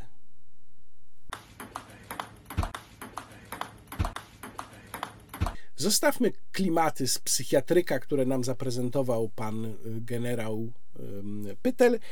I teraz trochę na temat y, raportu mm, o stratach wojennych. To była kwestia, która się pojawiła w momencie, kiedy publikowałem poprzedni wideoblog. Nie zdążyłem jej skomentować, ale od tego czasu napisałem duży taki przeglądowy tekst na onet.pl poświęcony właśnie mm, temu raportowi i w ogóle kwestii reparacji. Link do tekstu załączam w opisie filmu i zachęcam do jego lektury, bo tam dosyć szczegółowo przedstawiłem argumenty, dlaczego reparacje są po prostu nieosiągalne. Co nie znaczy, że są na pewno nieosiągalne wszelkie odszkodowania czy zadośćuczynienie ze strony Niemiec, natomiast reparacje na pewno nie. Jeżeli Mm, sięgniemy po termin reparacji, w jakim on występuje w traktatach międzynarodowych, to przede wszystkim trzeba pamiętać, że reparacje sensu stricto to jest to, co się uzgadnia na ogół bezpośrednio po zakończeniu wojny i co ma zapłacić państwo przegrywające wojnę. Dzisiaj mówić o reparacjach już nie możemy również z tego punktu widzenia. Ale tutaj chciałbym przypomnieć najpierw krótko, jaka była historia w ogóle reparacji wojennych od Niemiec dla Polski. O reparacjach zdecydowano podczas konferencji w Poczdamie pod Berlinem. W sumie Niemcy miały zapłacić około 20 miliardów dolarów E, reparacji, ówczesnych miliardów oczywiście, z tego około połowa miała przypaść dla Związku Sowieckiego, który z kolei miał z tej puli powydzielać reparacje dla poszczególnych państw bloku wschodniego i dla Polski miało tutaj przypaść półtora miliarda dolarów. To jest, e, uwzględniając inflację, około 25 mm, miliardów dzisiejszych dolarów, czyli jak przeliczyłem, mniej więcej 118, no powiedzmy 120 miliardów złotych, czyli to nie jest jakaś porażająca suma. I to jest w ogóle pierwsza ważna uwaga. To jest mniej więcej tyle, ile nam przepada z bezzwrotnych pieniędzy z Funduszu Odbudowy i Tworzenia Odporności, czyli z tak zwanego KPO. Natomiast jest to wielokrotnie mniej niż to, co wyliczyli mm, jako straty wojenne autorzy raportu. Przypominam, ponad 6 bilionów złotych. No to jest kilkadziesiąt razy mniej. Więc kiedy staje ten problem, no to Niemcy oczywiście mogą wskazać na sumę reparacji, sensu stricto reparacji, które zostały od Niemiec orzeczone czy, czy ustalone na konferencji podszdamskiej i wskazać, że Polska w tej chwili domaga się no, pieniędzy o wiele, wiele większych niż kiedykolwiek domagali się zwycięzcy od Niemiec, również dla Polski. No, taki był ówczesny układ polityczny. W 1953 roku nastąpiło zrzeczenie się dalszych spłat, dalszych reparacji przez Bolesława Bieruta. O tym zresztą i o tym, co myśmy właściwie dostali do tego momentu, y, mówi w rozmowie którą przeprowadziłem z nim pan profesor Stanisław Żerko na kanale Świat Rolnika. Link do tej rozmowy również umieszczam w opisie filmu. Natomiast autorzy raportu, do którego zresztą, co ciekawe, włączono jedną opinię Biura Analiz Sejmowych dotyczącą reparacji, akurat tę korzystną, bo były dwie i druga już nie była korzystna. A zatem autorzy raportu, o czym doskonale wiemy, argumentują, że tak naprawdę zrzeczenie się przez Polskę reparacji było nieskuteczne. W raporcie pojawia się taki oto y, fragment. Rzekome jednostronne oświadczenie Rady Ministrów z 23 sierpnia 1953 roku o zrzeczeniu się przez PRL reparacji wojennych naruszało obowiązującą wówczas konstytucję, ponieważ sprawy ratyfikacji i wypowiadania umów międzynarodowych należały do Rady do kompetencji Rady Państwa, czyli to był taki PRL-owski odpowiednik prezydenta, a nie Rady Ministrów. Oświadczenie to zostało wymuszone na rządzie PRL przez ZSRR. No więc y, tutaj mamy rząd nieporozumień. Po pierwsze, nikt nie wypowiadał umowy międzynarodowej, bo Polska w ogóle nie była stroną umowy poczdamskiej, więc nie mogła jej wypowiadać. To po pierwsze. Po drugie, zrzeczenie się przez państwo jakich, jakichś korzyści jest czymś zupełnie innym niż byłoby, gdyby w ogóle do tego doszło w tym wypadku, wypowiedzenie umowy międzynarodowej. Po trzecie, to czy doszło do tej decyzji pod naciskiem Związku Sowieckiego, no doszło rzeczywiście, to, to, chyba tutaj nikt nie ma wątpliwości, czy nie, z punktu widzenia prawa międzynarodowego nie ma znaczenia, bo Polska trzecia RP została, przyjęła na siebie cały bagaż prawny e, PRL. Stała się mocą własnej decyzji e, następcą prawnym Polskiej Rzeczpospolitej Ludowej. I skoro tak, ja to tłumaczyłem zresztą w swoich tekstach dotyczących reparacji wielokrotnie, skoro tak, to my nie możemy sobie teraz wybierać dowolnie, a ta decyzja to była dla nas niekorzystna, to my jej nie uznamy, teraz, czyli 32 lata po upadku PRL, my jej nie uznamy, a tamta była dla nas dobra, to chociaż była też pod naciskiem Związku Sowieckiego, no bo w ogóle byliśmy pod naciskiem Związku Sowieckiego, to ją uznamy. No to jest absurd. Znaczy, mm, to jest trochę tak jak z przyjęciem spadku. Przyjmuje się wszystko razem, albo się wszystko odrzuca. Albo jesteśmy następcą prawnym PRL, albo nie jesteśmy. Jeżeli jesteśmy, no to musimy się pogodzić z tym, że odziedziczyliśmy po PRL-u umowy, które uznajemy za korzystne dla nas, ale również takie, które uznajemy za niekorzystne dla nas. Zresztą cała ta argumentacja dotycząca tego, czy zrzeczenie się reparacji było wiążące, czy nie, o tyle nie ma znaczenia, że jeżeli Niemcy podnoszą, a mają do tego podstawy, bo wbrew temu, co mówi pan poseł Mularczyk, są y, dokumenty potwierdzające to zrzeczenie się. Jeżeli my nawet będziemy twierdzić, utrzymywać, że ono nie miało mocy prawnej, Niemcy mają swoje podstawy, żeby twierdzić, że owszem, taką moc prawną miało, to nie istnieje żadna instancja, przed którą moglibyśmy pójść i powiedzieć: proszę to rozsądzić. Owszem, teoretycznie rzecz biorąc, taką instancją mógłby być Międzynarodowy Trybunał Sprawiedliwości w Hadze, ale jak każdy sąd międzynarodowy, również sądy arbitrażowe, MTS zbudowany jest na tej zasadzie i to jest zapisane w jego statucie, że on się zajmuje tymi sprawami, które powierzą mu państwa będące sygnatariuszami tego statutu. Polska zdecydowała w 1996 roku, że przed MTS nie będą mogły trafiać sprawy nas dotyczące sprzed roku 1990, czyli mogą trafiać wyłącznie sprawy po roku 89.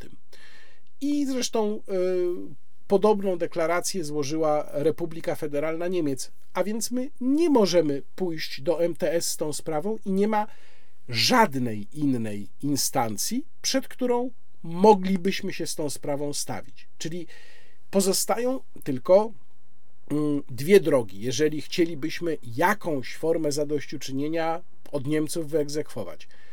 To jest albo nacisk dyplomatyczny na który w tej chwili nie widać, nie ma żadnych szans. No bo niby jak mielibyśmy wywierać te presje i za pomocą czego, i jak nie mamy nawet żadnej koalicji zbudowanej wokół tej sprawy, No i druga, drugi sposób to są dwustronne negocjacje.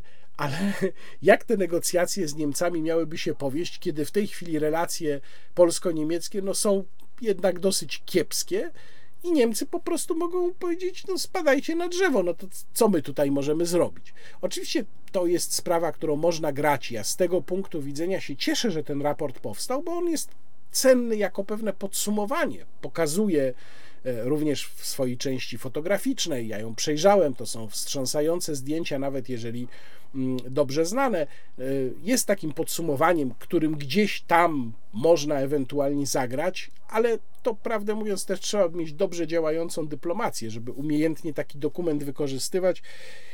No i tutaj też wiemy, y, jak jest. Oczywiście y, podaje się czasem przykłady innych krajów, które się starają o albo o reparacje i mówią wprost o reparacjach, jeszcze jako niewypłaconych, albo starają się o jakieś odszkodowania. Takim krajem jest na przykład Grecja, która od kilku lat to walczy z tym, że rzecz jasna, sytuacja Grecji, ja ją opisuję bardziej szczegółowo w tekście na Onecie, jest oczywiście inna niż sytuacja Polski. Zresztą Grecy nie mówią tam o, o jakichś bilionach, tylko mówią o 340 miliardach dolarów.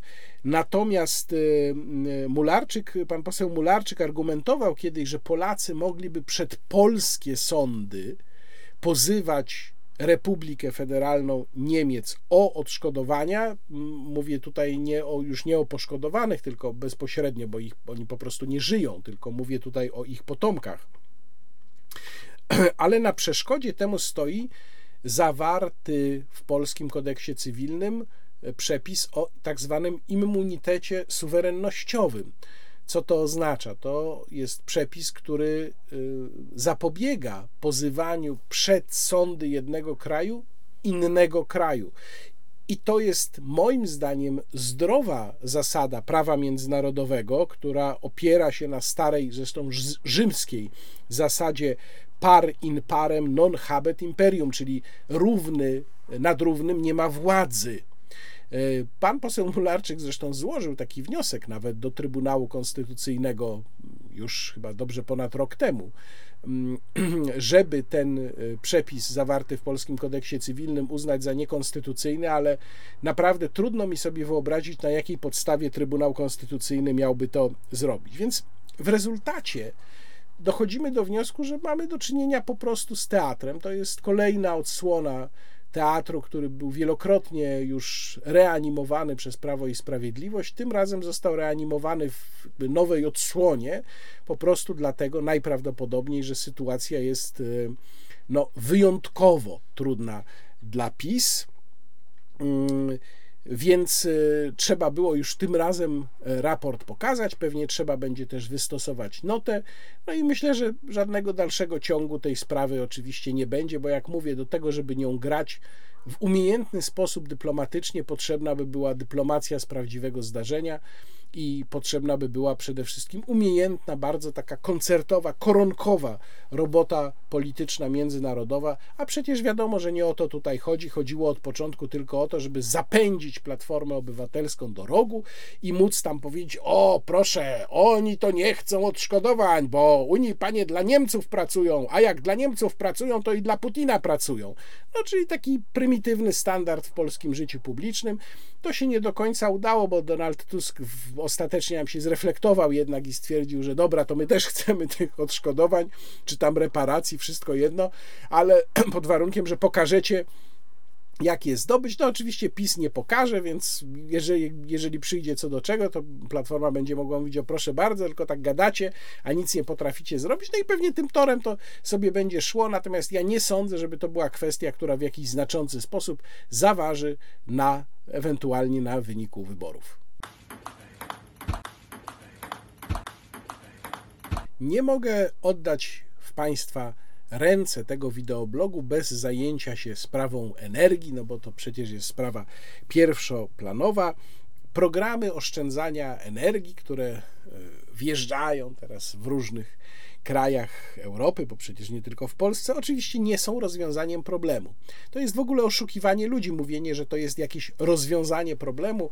Ja y, w takim trochę ogólniejszym planie zająłem się w ogóle kwestią tego, co można nazywać rozwiązaniem problemu w magazynie Kontra, w swoim ostatnim tekście tam opublikowanym, y, link w opisie filmu, przywołałem Tomasa Maltusa, żyjącego na przełomie XVIII i XIX wieku mm, y, pastora, ekonomista angielskiego, tego samego właśnie, który stwierdził, że rozwiązaniem problemu niedostatecznej produkcji żywności będzie ograniczenie liczby ludzi na Ziemi. I to jest taka metoda właśnie rozwiązywania.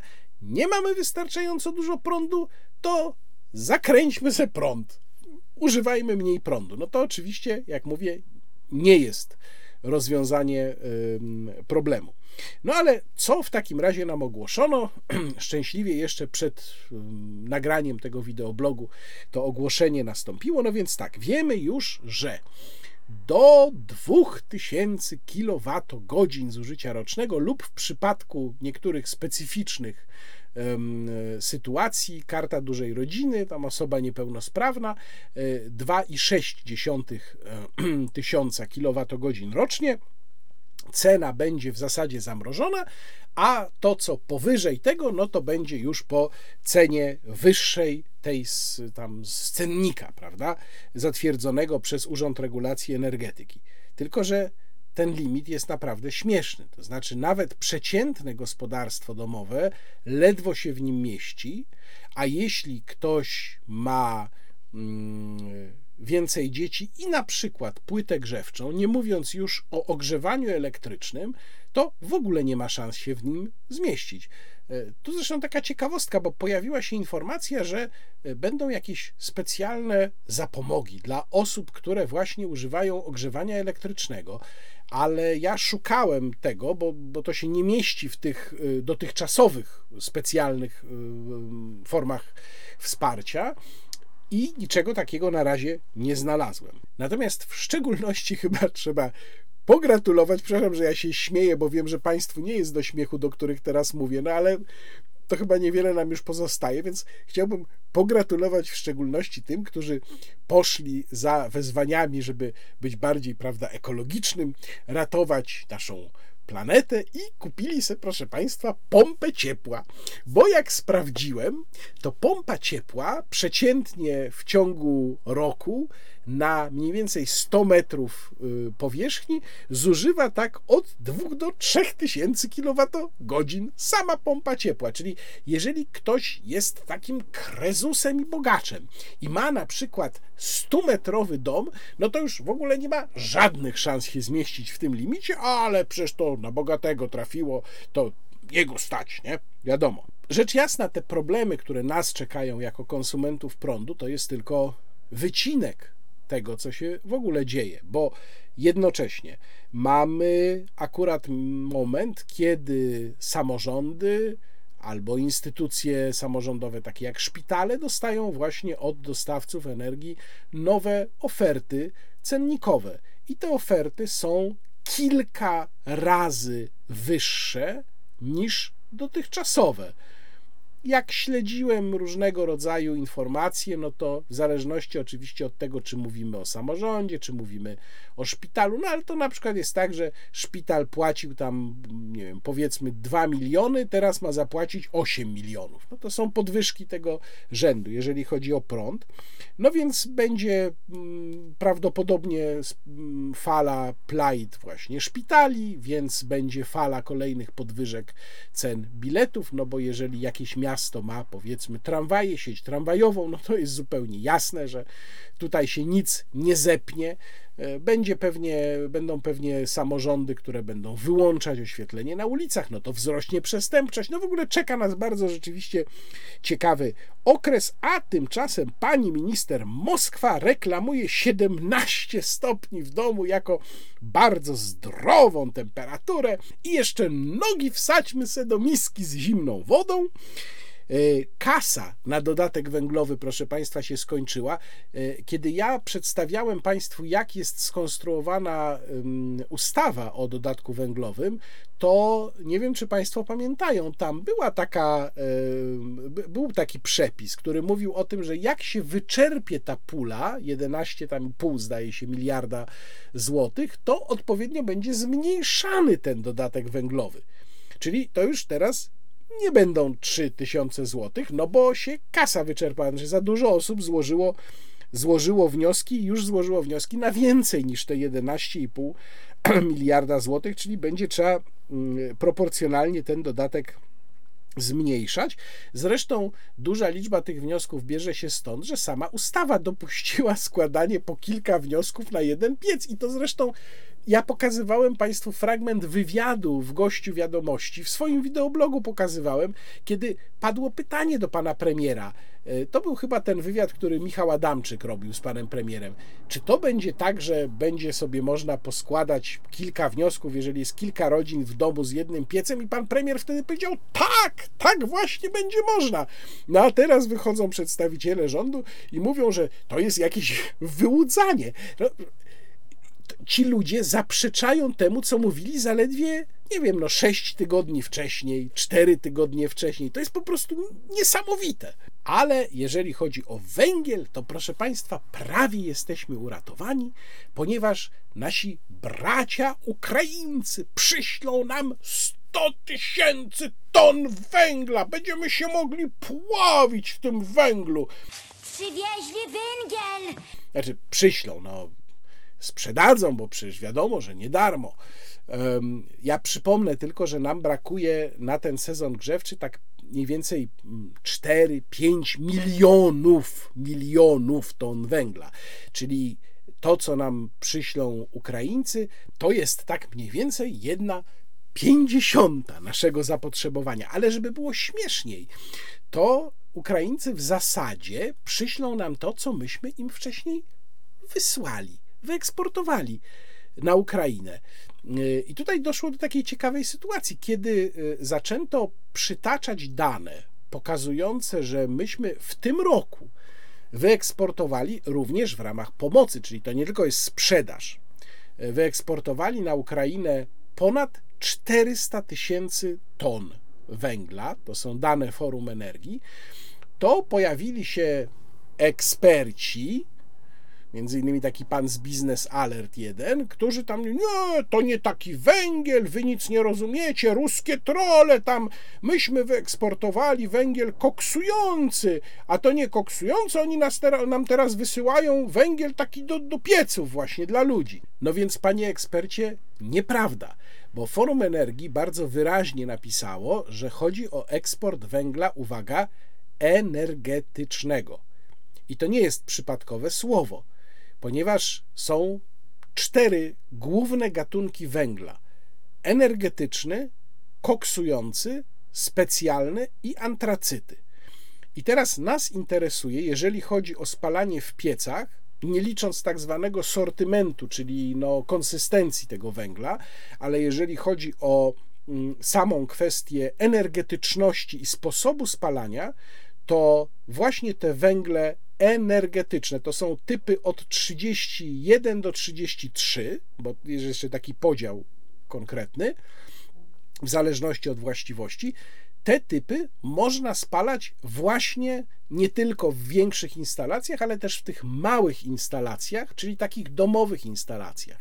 I to my właśnie wyeksportowaliśmy na Ukrainę ponad 400 tysięcy ton tego węgla, panie ekspercie, energetycznego, czyli tego, który mogli Polacy spalać w swoich piecach. No i mamy też dostać ten węgiel, węgiel energetyczny. Natomiast węgle koksujące to są te, które są spalane na przykład w elektrociepłowniach, są wydobywane w większości polskich kopalni. No ale teraz skoro już wspomniałem o węglach koksujących, czyli o tych właśnie dla przemysłu, dla dużych instalacji, to taka ciekawostka, czy właściwie pytanie, bo jest tu pewna sprawa, którą ja nie do końca, proszę Państwa, rozumiem. Otóż tak, zdecydowana większość wydobycia w Polsce to jest wydobycie w państwowych, czy z dominującym udziałem Skarbu Państwa spółkach Polskiej Grupie Górniczej i Jastrzębskiej Spółce Węglowej. Te spółki zresztą podnoszą ostatnio ceny y, tego, co wydobywają, więc już na przykład tona ekogroszku y, kosztuje prawie 1800 zł w sklepie internetowym PGG. Z kolei 48% polskiego miksu energetycznego to jest węgiel kamienny, a 17% to jest węgiel brunatny, czyli mm, y, w sumie jest to dobrze ponad 60%. I państwowe spółki energetyczne windują teraz ceny prądu, tłumacząc się tym, że muszą z zapasem jakby kontraktować te ceny, biorąc pod uwagę hipotetyczny wzrost cen węgla w przyszłym roku, e, którego na razie nie ma, ale najprawdopodobniej będzie. I tu powstaje takie pytanie: przecież to wszystko, cała ta konstrukcja jest w rękach państwa kopalnie w większości spółki państwowe, kontrolowane przez państwo. Firmy energetyczne państwowe. To jak to jest, że w tym układzie, który teoretycznie, zdaniem zwolenników państwowej własności tego wszystkiego, miało nam zapewniać bezpieczeństwo. Przecież to miało służyć bezpieczeństwu energetycznemu państwa. To musi być państwowe, panie, bo jak będzie prywatne, to będzie niebezpiecznie no to właśnie widzimy, że to jest państwowe i kompletnie nic z tego, panie, nie wynika. Więc jaki jest sens, można zadać pytanie, jaki jest sens zachowywania państwowej własności tych wszystkich podmiotów, jeżeli w sytuacji, no w gruncie rzeczy podbramkowej mamy takie chocki, klocki i balety.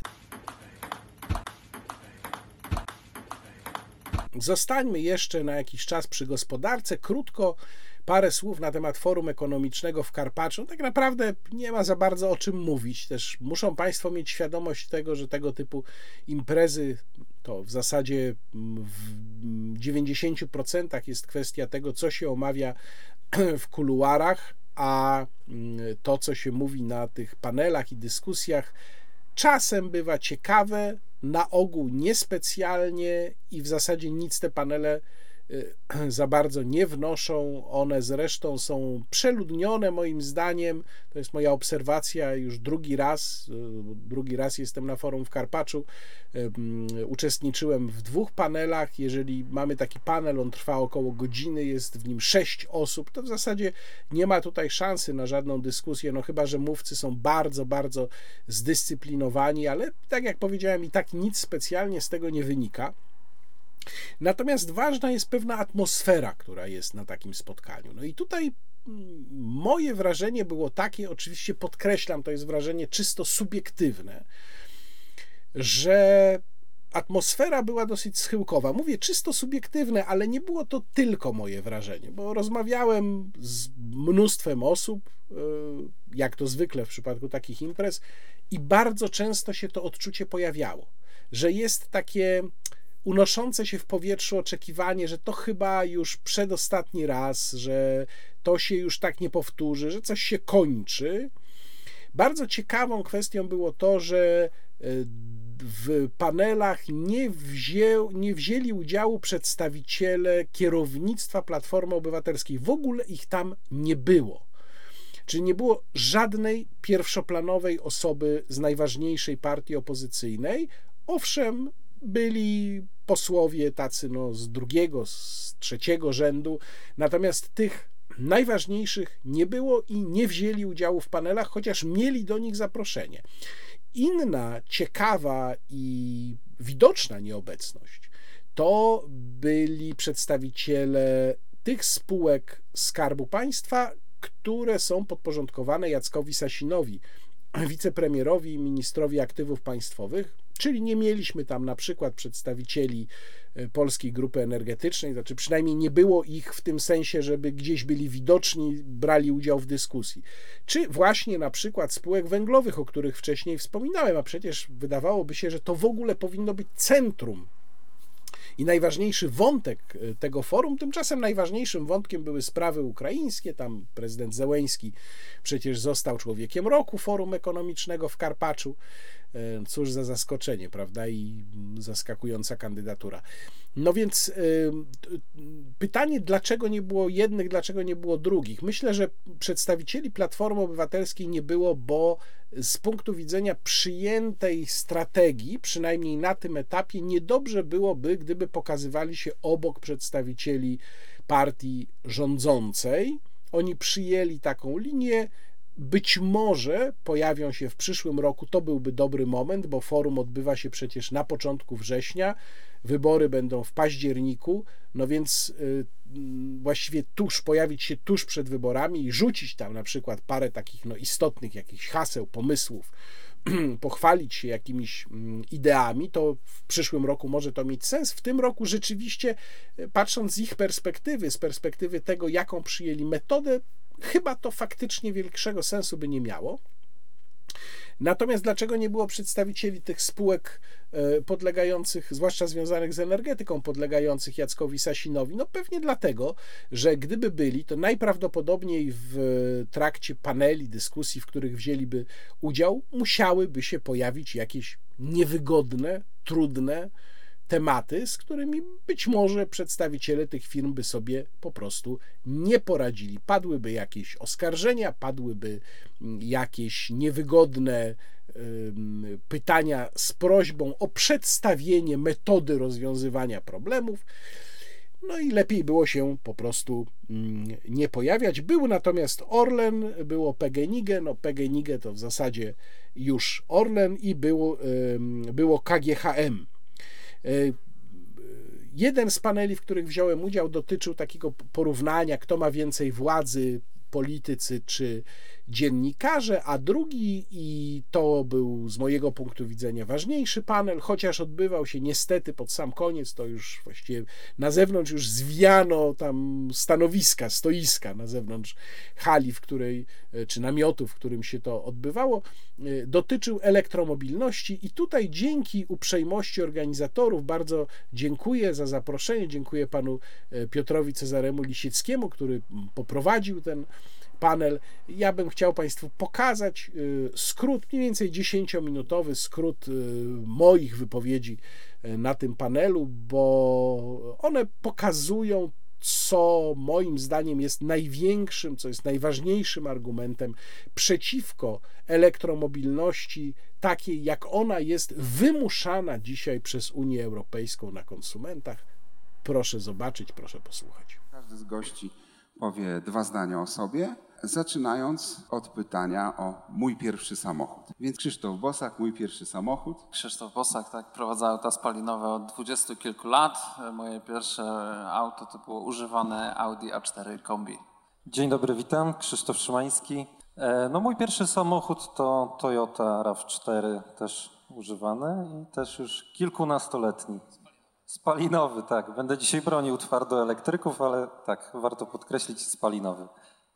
E, Łukasz Warzecha, mój pierwszy samochód to? 2004 rok, nowe, to chyba pierwszy raz tutaj w tym gronie, nowe Suzuki Ignis. Oczywiście też spalinowe, bo wiadomo wtedy, czerwone, czerwone. Bardzo długo i odpornie jeździło. Czerwony, ten mocniejszy. Artur Zawisza, Artur mój pierwszy Zawisza, samochód. Ze wstydem przyznam, że nie pomnę jaki pierwszy, ale mogę powiedzieć, że tu przyjechałem dieslem. E, Mercedes E350 CDI Blue Efficiency. Poproszę, Krzysztof, Przepraszam, ja muszę dokonać autokorekty, dlatego że y, to Audi mi utkwiło w pamięci, ale wcześniej miałem Mercedesa Vito i miałem go bardzo krótko, chyba dwa tygodnie zaraz jak go kupiłem, to natychmiast mi go ukradli. Później kupiłem drugiego bardzo podobnego.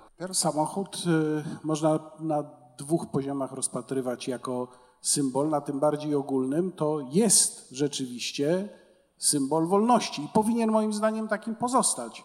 E, najbardziej wolny, przynajmniej stereotypowo najbardziej wolny kraj, Ameryka, nie rozwinęłaby się, nie byłaby tym, czym jest, czym była, gdyby nie powszechny dostęp do motoryzacji, który zresztą też e, w polskiej literaturze się odbił. No, przypominam Atlantyk, Pacyfik Melchiora Wańkowicza, wielka podróż pomiędzy dwoma wybrzeżami Ameryki. Przecież bez samochodu nie byłaby możliwa I ten samochód, którym Wańkowicz podróżował, też się wpisywał w opowieść o Ameryce, sam z siebie. I ja uważam, że to nie jest tak, jak mój szanowny przedmówca powiedział, to znaczy, że następuje jakiś naturalny upadek tego wizerunku samochodu. Ten wizerunek jest planowo niszczony. To nie jest tak, że to jest naturalny proces. A jeżeli chodzi o mnie samego, co to dla mnie oznacza? No przede wszystkim to jest skojarzenie z wolnością, z wolnością podróżowania, co dla mnie oznacza możliwość zobaczenia mnóstwa miejsc, nie tylko w Polsce, których w innym przypadku bym nie zobaczył. To również dotyczy na przykład mojego pobytu tutaj, teraz na Dolnym Śląsku. Samochód daje swobodę odwiedzania tak wspaniałych miejsc, które nie są w żaden inny normalny sposób skomunikowane, jak na przykład Krzeszów, perła baroku, polecam bardzo niedaleko stąd. Zwolennicy tej polityki antysamochodowej w miastach argumentują w ten sposób, że to jest obiektywnie dobre. To jest taki bardzo częsty zabieg, który się w różnych kwestiach i sprawach i dziedzinach pojawia, również w ekonomii bardzo często. Twierdzi się, że coś jest obiektywnie dobre. No w tym wypadku obiektywnie dobre ma być, ma być zamiana, obiektywnie dobra ma być zamiana miast na coś, co bardziej przypomina wieś. Tylko, że to jest manipulacja intelektualna, ponieważ owszem, eksperci, jeżeli trafnie przewidują, mogą nam powiedzieć, jaki będzie skutek danych posunięć, w tym wypadku usunięcia samochodów z centrów miast, natomiast nie mogą nam powiedzieć, że coś jest obiektywnie dobre, ponieważ wybór ludzi polega na tym, że decydują się mieć coś zamiast czegoś. Na przykład dla różnych osób, wielu osób, lepszy może być wybór taki, że mają owszem więcej hałasu i mniej zieleni, ale za to mogą sprawnie samochodem dojechać na miejsce. Jest taka grupa, którą ja określam jako grupę pasożytniczą. To jest grupa pasożytniczych ekspertów, którzy po prostu żyją z tego, że jeżdżą po świecie. No taki na przykład Penialoza, Jill Penialoza jest taki ekspert, który jeździ po świecie i głosi jak Ewangelię te antysamochodowe tezy i po prostu na tym zarabia. Więc tak naprawdę jak się spojrzy za kulisy tego, co się dzieje, jeżeli chodzi o samochody, to dużo ciekawych rzeczy tam widać. Również na przykład widać to, że silnik spalinowy wcale nie doszedł do końca swoich możliwości, jeżeli chodzi o sprawność. Mówię, używam tu pojęcia sprawności w technicznym znaczeniu tego słowa.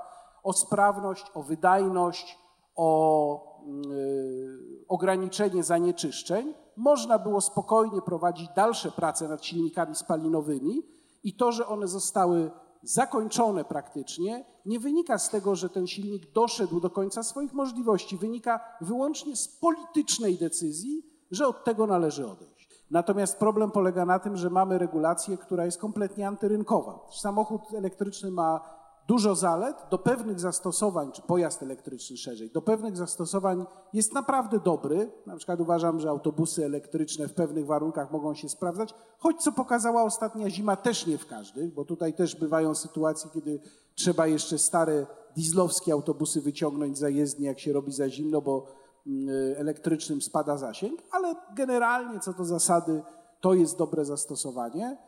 Natomiast no, są dwie rzeczy, które wyróżniają samochód spalinowy: szybkość y, ładowania w sensie tankowania i zasięg na tym tankowaniu.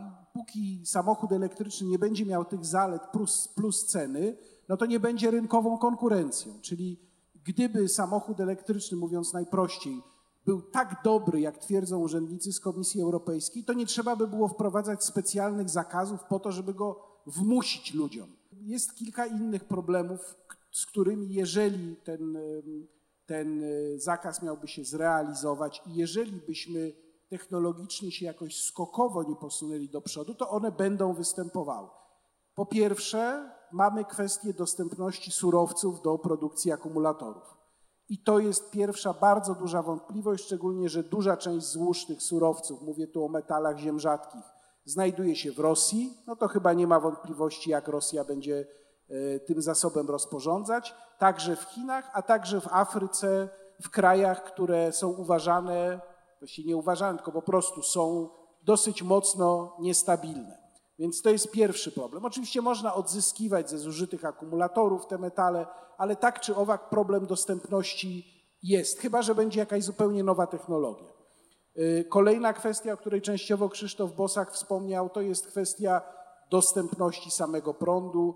Polska sieć energetyczna, no niestety na forum w Karpaczu nie mamy przedstawicieli na przykład mm, polskich sieci elektroenergetycznych. Polska sieć energetyczna jest w kiepskim stanie, wymaga inwestycji idących właściwie w setki miliardów złotych.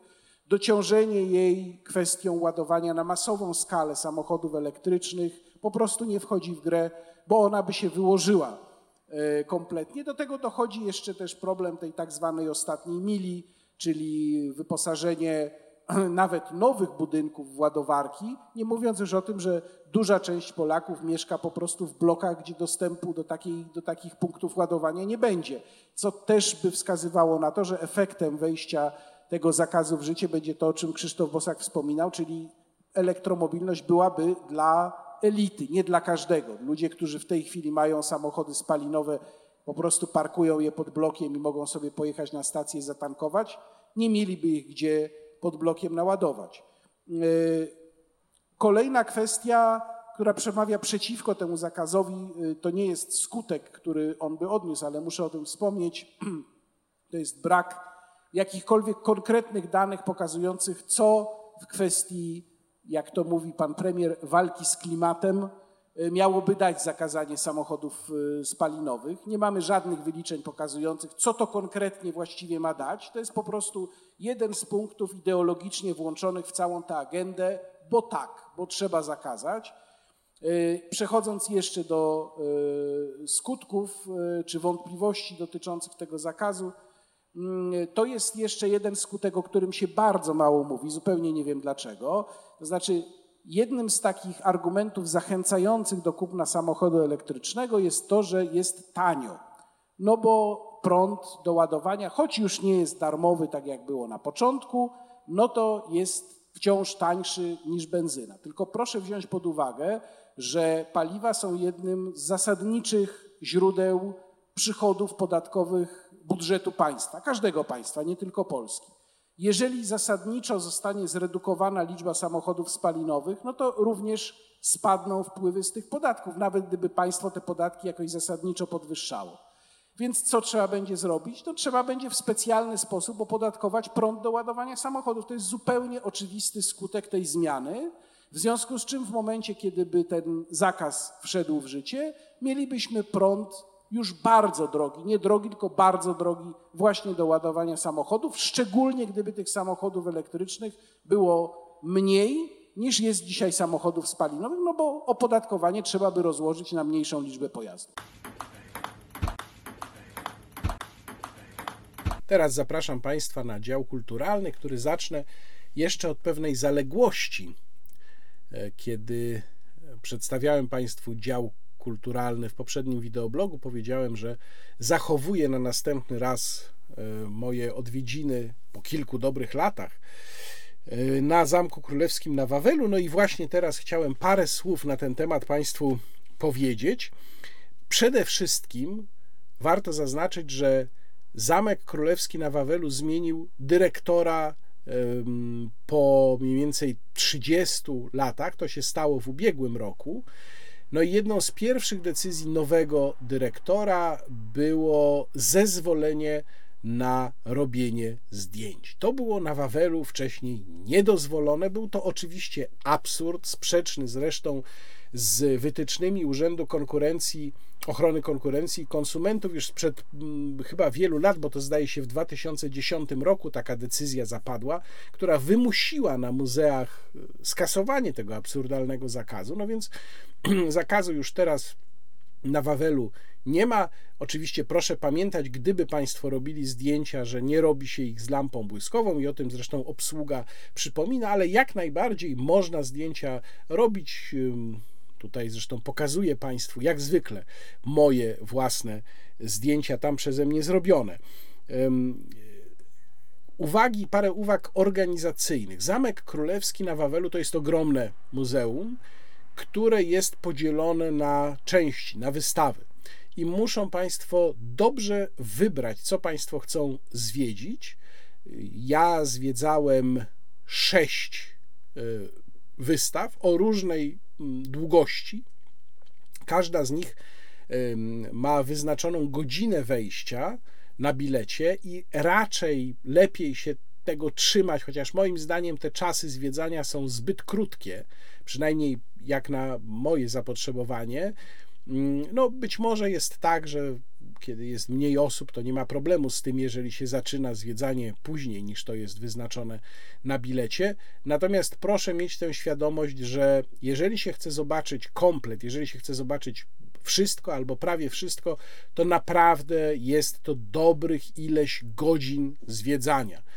No, ja spędziłem tam e, również z powodu kolejek, e, które latem się pojawiają w niektórych miejscach, kolejek do wejścia, z powodu ograniczonej liczby, na przykład w apartamentach królewskich i komnatach królewskich, to są dwa takie e, chyba najatrakcyjniejsze dwie trasy na Wawelu, no to spędziłem tam dobrych kilka godzin, wydaje mi się, że ponad pięć. Warto pamiętać, jakie były losy Zamku Królewskiego, szczególnie w XIX wieku, bo to nam wyjaśni, jak będziemy zwiedzać Zamek Królewski na Wawelu, dlaczego tam w zasadzie nie ma oryginalnych sprzętów, oryginalnego wyposażenia jedyne co jest tak naprawdę poza być może jakimiś drobiazgami, no to są głowy wawelskie, ale też została z nich bodajże jedna e, trzecia, czy nawet mniej, około 30 paru. I druga rzecz, no to oczywiście arrasy. Arrasy są, arrasy, które przypominam, zostały zamówione przez Zygmunta Augusta w Niderlandach, są przepiękne. To jest nieprawdopodobna wręcz, wręcz robota. To jest e, przykład najwyższego lotu niderlandzkiej sztuki tkackiej i które szczęśliwie przetrwały II wojnę światową w Kanadzie. Bardzo polecam w szczególności przyjrzenie się temu, jak wyglądają zwierzęta a zwłaszcza zwierzęta egzotyczne, przedstawione na arrasach.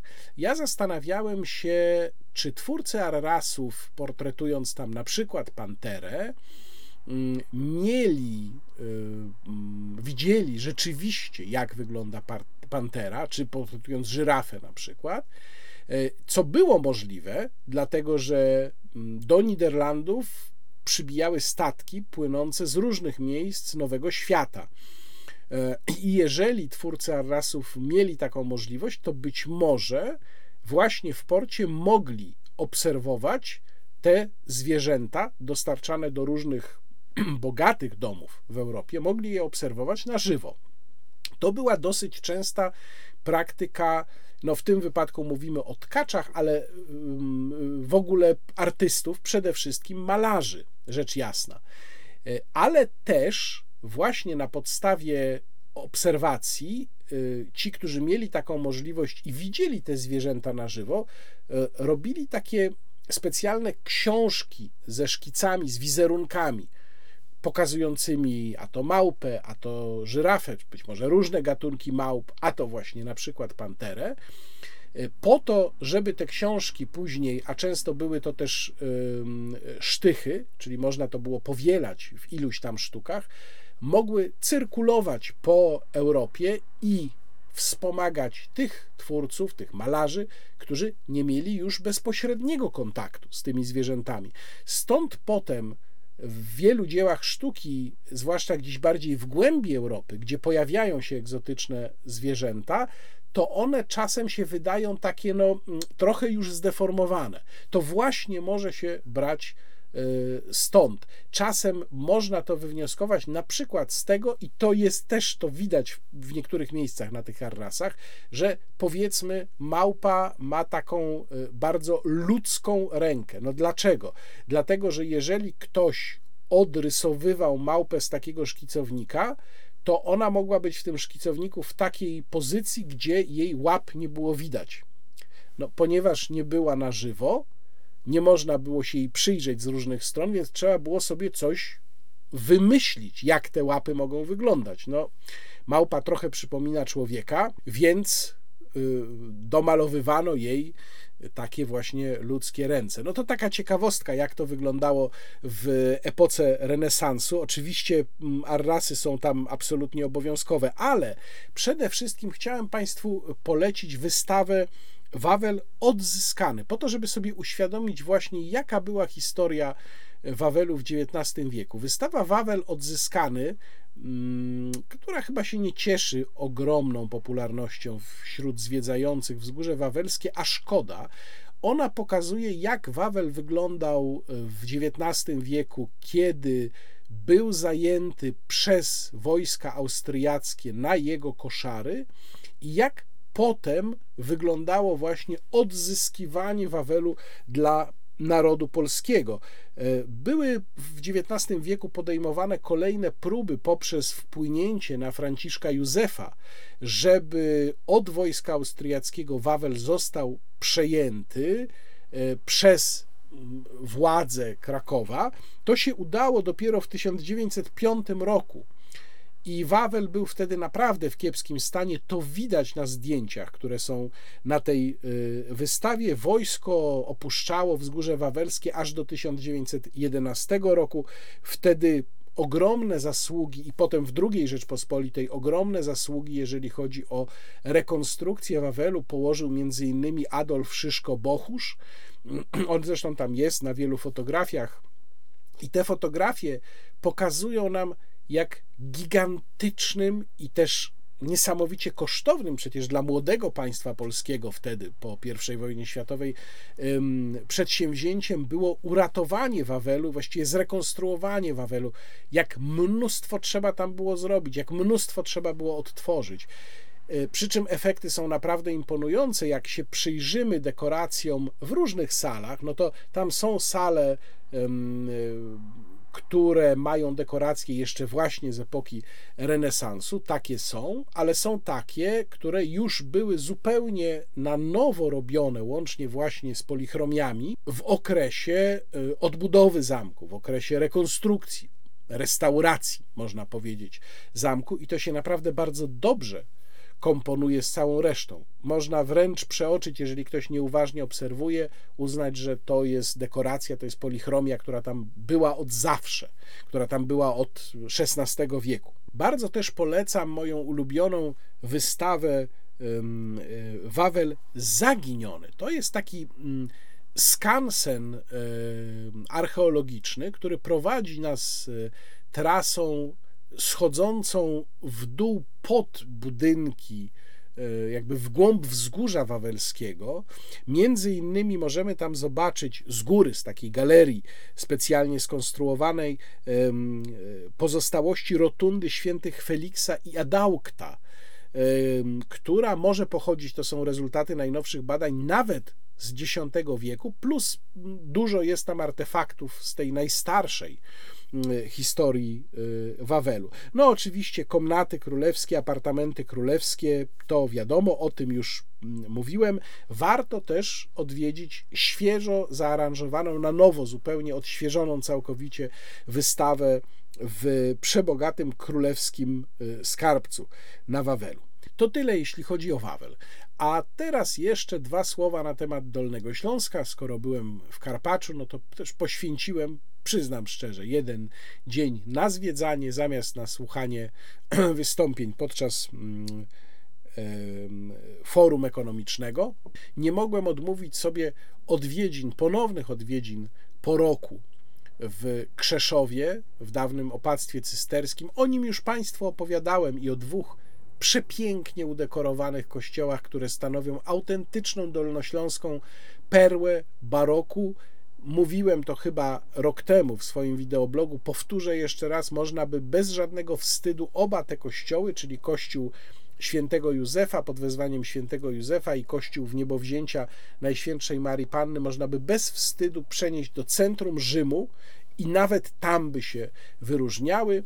W szczególności kościół świętego Józefa, który jest udekorowany właściwie jednym spójnym programem ikonograficznym opowiadającym o życiu świętego Józefa, o jego radościach i troskach. To, są, to jest taki cykl, który na ścianach dwóch naw bocznych jest wybalowany i autorem tych dekoracji, autorem mm, e, wszystkich w zasadzie dekoracji malarskich w tym kościele jest Mikael Wilman, o którym Państwu też opowiadałem już wielokrotnie, zwany śląskim Rembrandtem, ale również polecam kościół w niebowzięcia Najświętszej Marii Panny, gdzie także są malowidła Wilmana, choć już nie jest on autorem całości dekoracji i e, który to kościół też no, mm, wręcz zapiera dech bogactwem swojej e, barokowej dekoracji.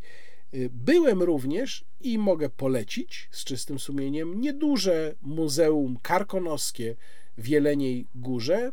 Jak powiadam, nieduże, ale zrobione e, w bardzo ciekawy sposób. Na parterze mamy ekspozycję, która kompleksowo opowiada o dziejach regionu, kompleksowo ciekawie prezentując przegląd y, tego, co tam się działo od właściwie najdawniejszych czasów aż po czasy współczesne. A szczególnie interesująca może być wystawa, która mieści się na pierwszym piętrze.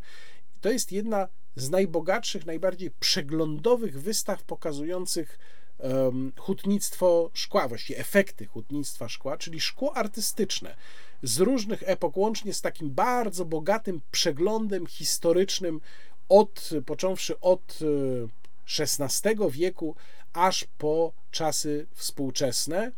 E, to szkło artystyczne, które można zobaczyć, współczesne szkło artystyczne, które można zobaczyć, to rzecz jasna efekt działań um, hut szkła, których w tamtym regionie jest dużo, a przynajmniej było dużo, ponieważ, jak pewnie Państwo wiedzą, huty szkła ze względu na swoją energochłonność również w tej chwili obrywają z powodu e, ogólnej sytuacji i niestety wielu z nim grozi bankructwo. Przepraszam, że w dziale kulturalnym nawiązuję znowu do kwestii gospodarczych, no ale niestety wszystko to jest ze sobą powiązane.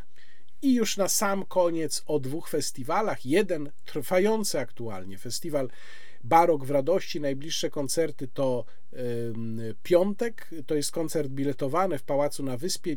Nie wiem, być może ten wideoblog się nie pojawi już przed koncertem, choć mam nadzieję, że tak, bo mam nadzieję, że pojawi się właśnie w, w ciągu dnia w piątek. Być może jeszcze bilety są do kupienia, tego nie wiem.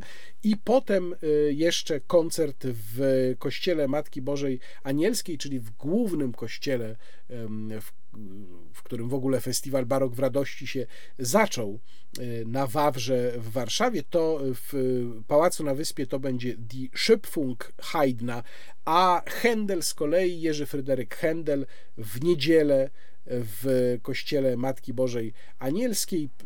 Zamieszczam w opisie filmu link do profilu festiwalu na Facebooku, gdzie można znaleźć i aktualne informacje, i program. No i muszę powiedzieć, że byłem na koncercie właśnie w kościele Matki Bożej Anielskiej, na koncercie otwierającym i naprawdę wielkie, wielkie gratulacje dla wykonawców, którzy też zrobili publiczności ogromną niespodziankę, bo e, zaczęli od niezapowiedzianego w programie e, Marsza Żałobnego Henry'ego Persela z 1695 roku, napisanego na pogrzeb królowej Marii II z oczywistych powodów. To był hołd złożony zmarłej, no dopiero co, królowej Elżbiecie II, więc bardzo piękny akcent.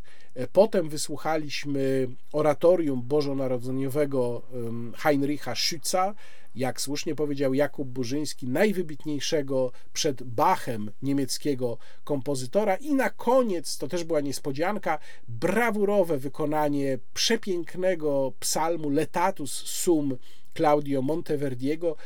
E, muszę przyznać, mojego ulubionego, jednego z moich ulubionych utworów Monteverdiego. Monteverdi, e, ten e, psalm Letatus Sum chyba dwukrotnie, to znaczy co najmniej dwukrotnie, nie wiem, być może jeszcze jakieś inne aranżacje tego psalmu zrobił, ale na pewno są dwie najbardziej znane i jedna to jest w cyklu y, Nieszporów z 1610 roku, a druga oparta na czterech nutach basu tego psalmu z 1610 roku. To jest właśnie ta, której wysłuchaliśmy na pierwszym koncercie tegorocznego festiwalu Barok w Radości. Taka bardzo, bardzo radosna aranżacja tego e, psalmu w niezwykle brawurowym wykonaniu zespołu La Tempesta, więc zachęcam serdecznie, bo festiwal Barok w Radości jeszcze będzie trwał. Bardzo, bardzo warto, jeżeli ktoś jest z Warszawy lub okolic albo mm, nawet ma ochotę przyjechać gdzieś z jakichś dalszych miejsc, to bardzo serdecznie zapraszam. No i ostatnia informacja.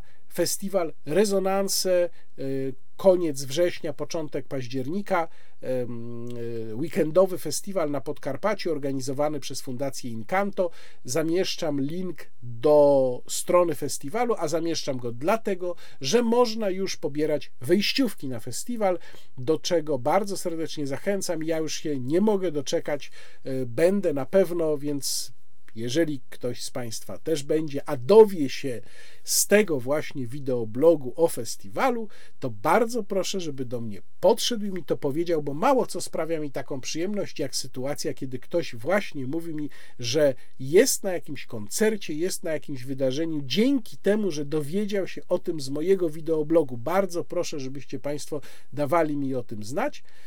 I dziękuję za dzisiaj. Dziękuję za Państwa cierpliwość, wytrwałość. Dziękuję za to, że Państwo tutaj są.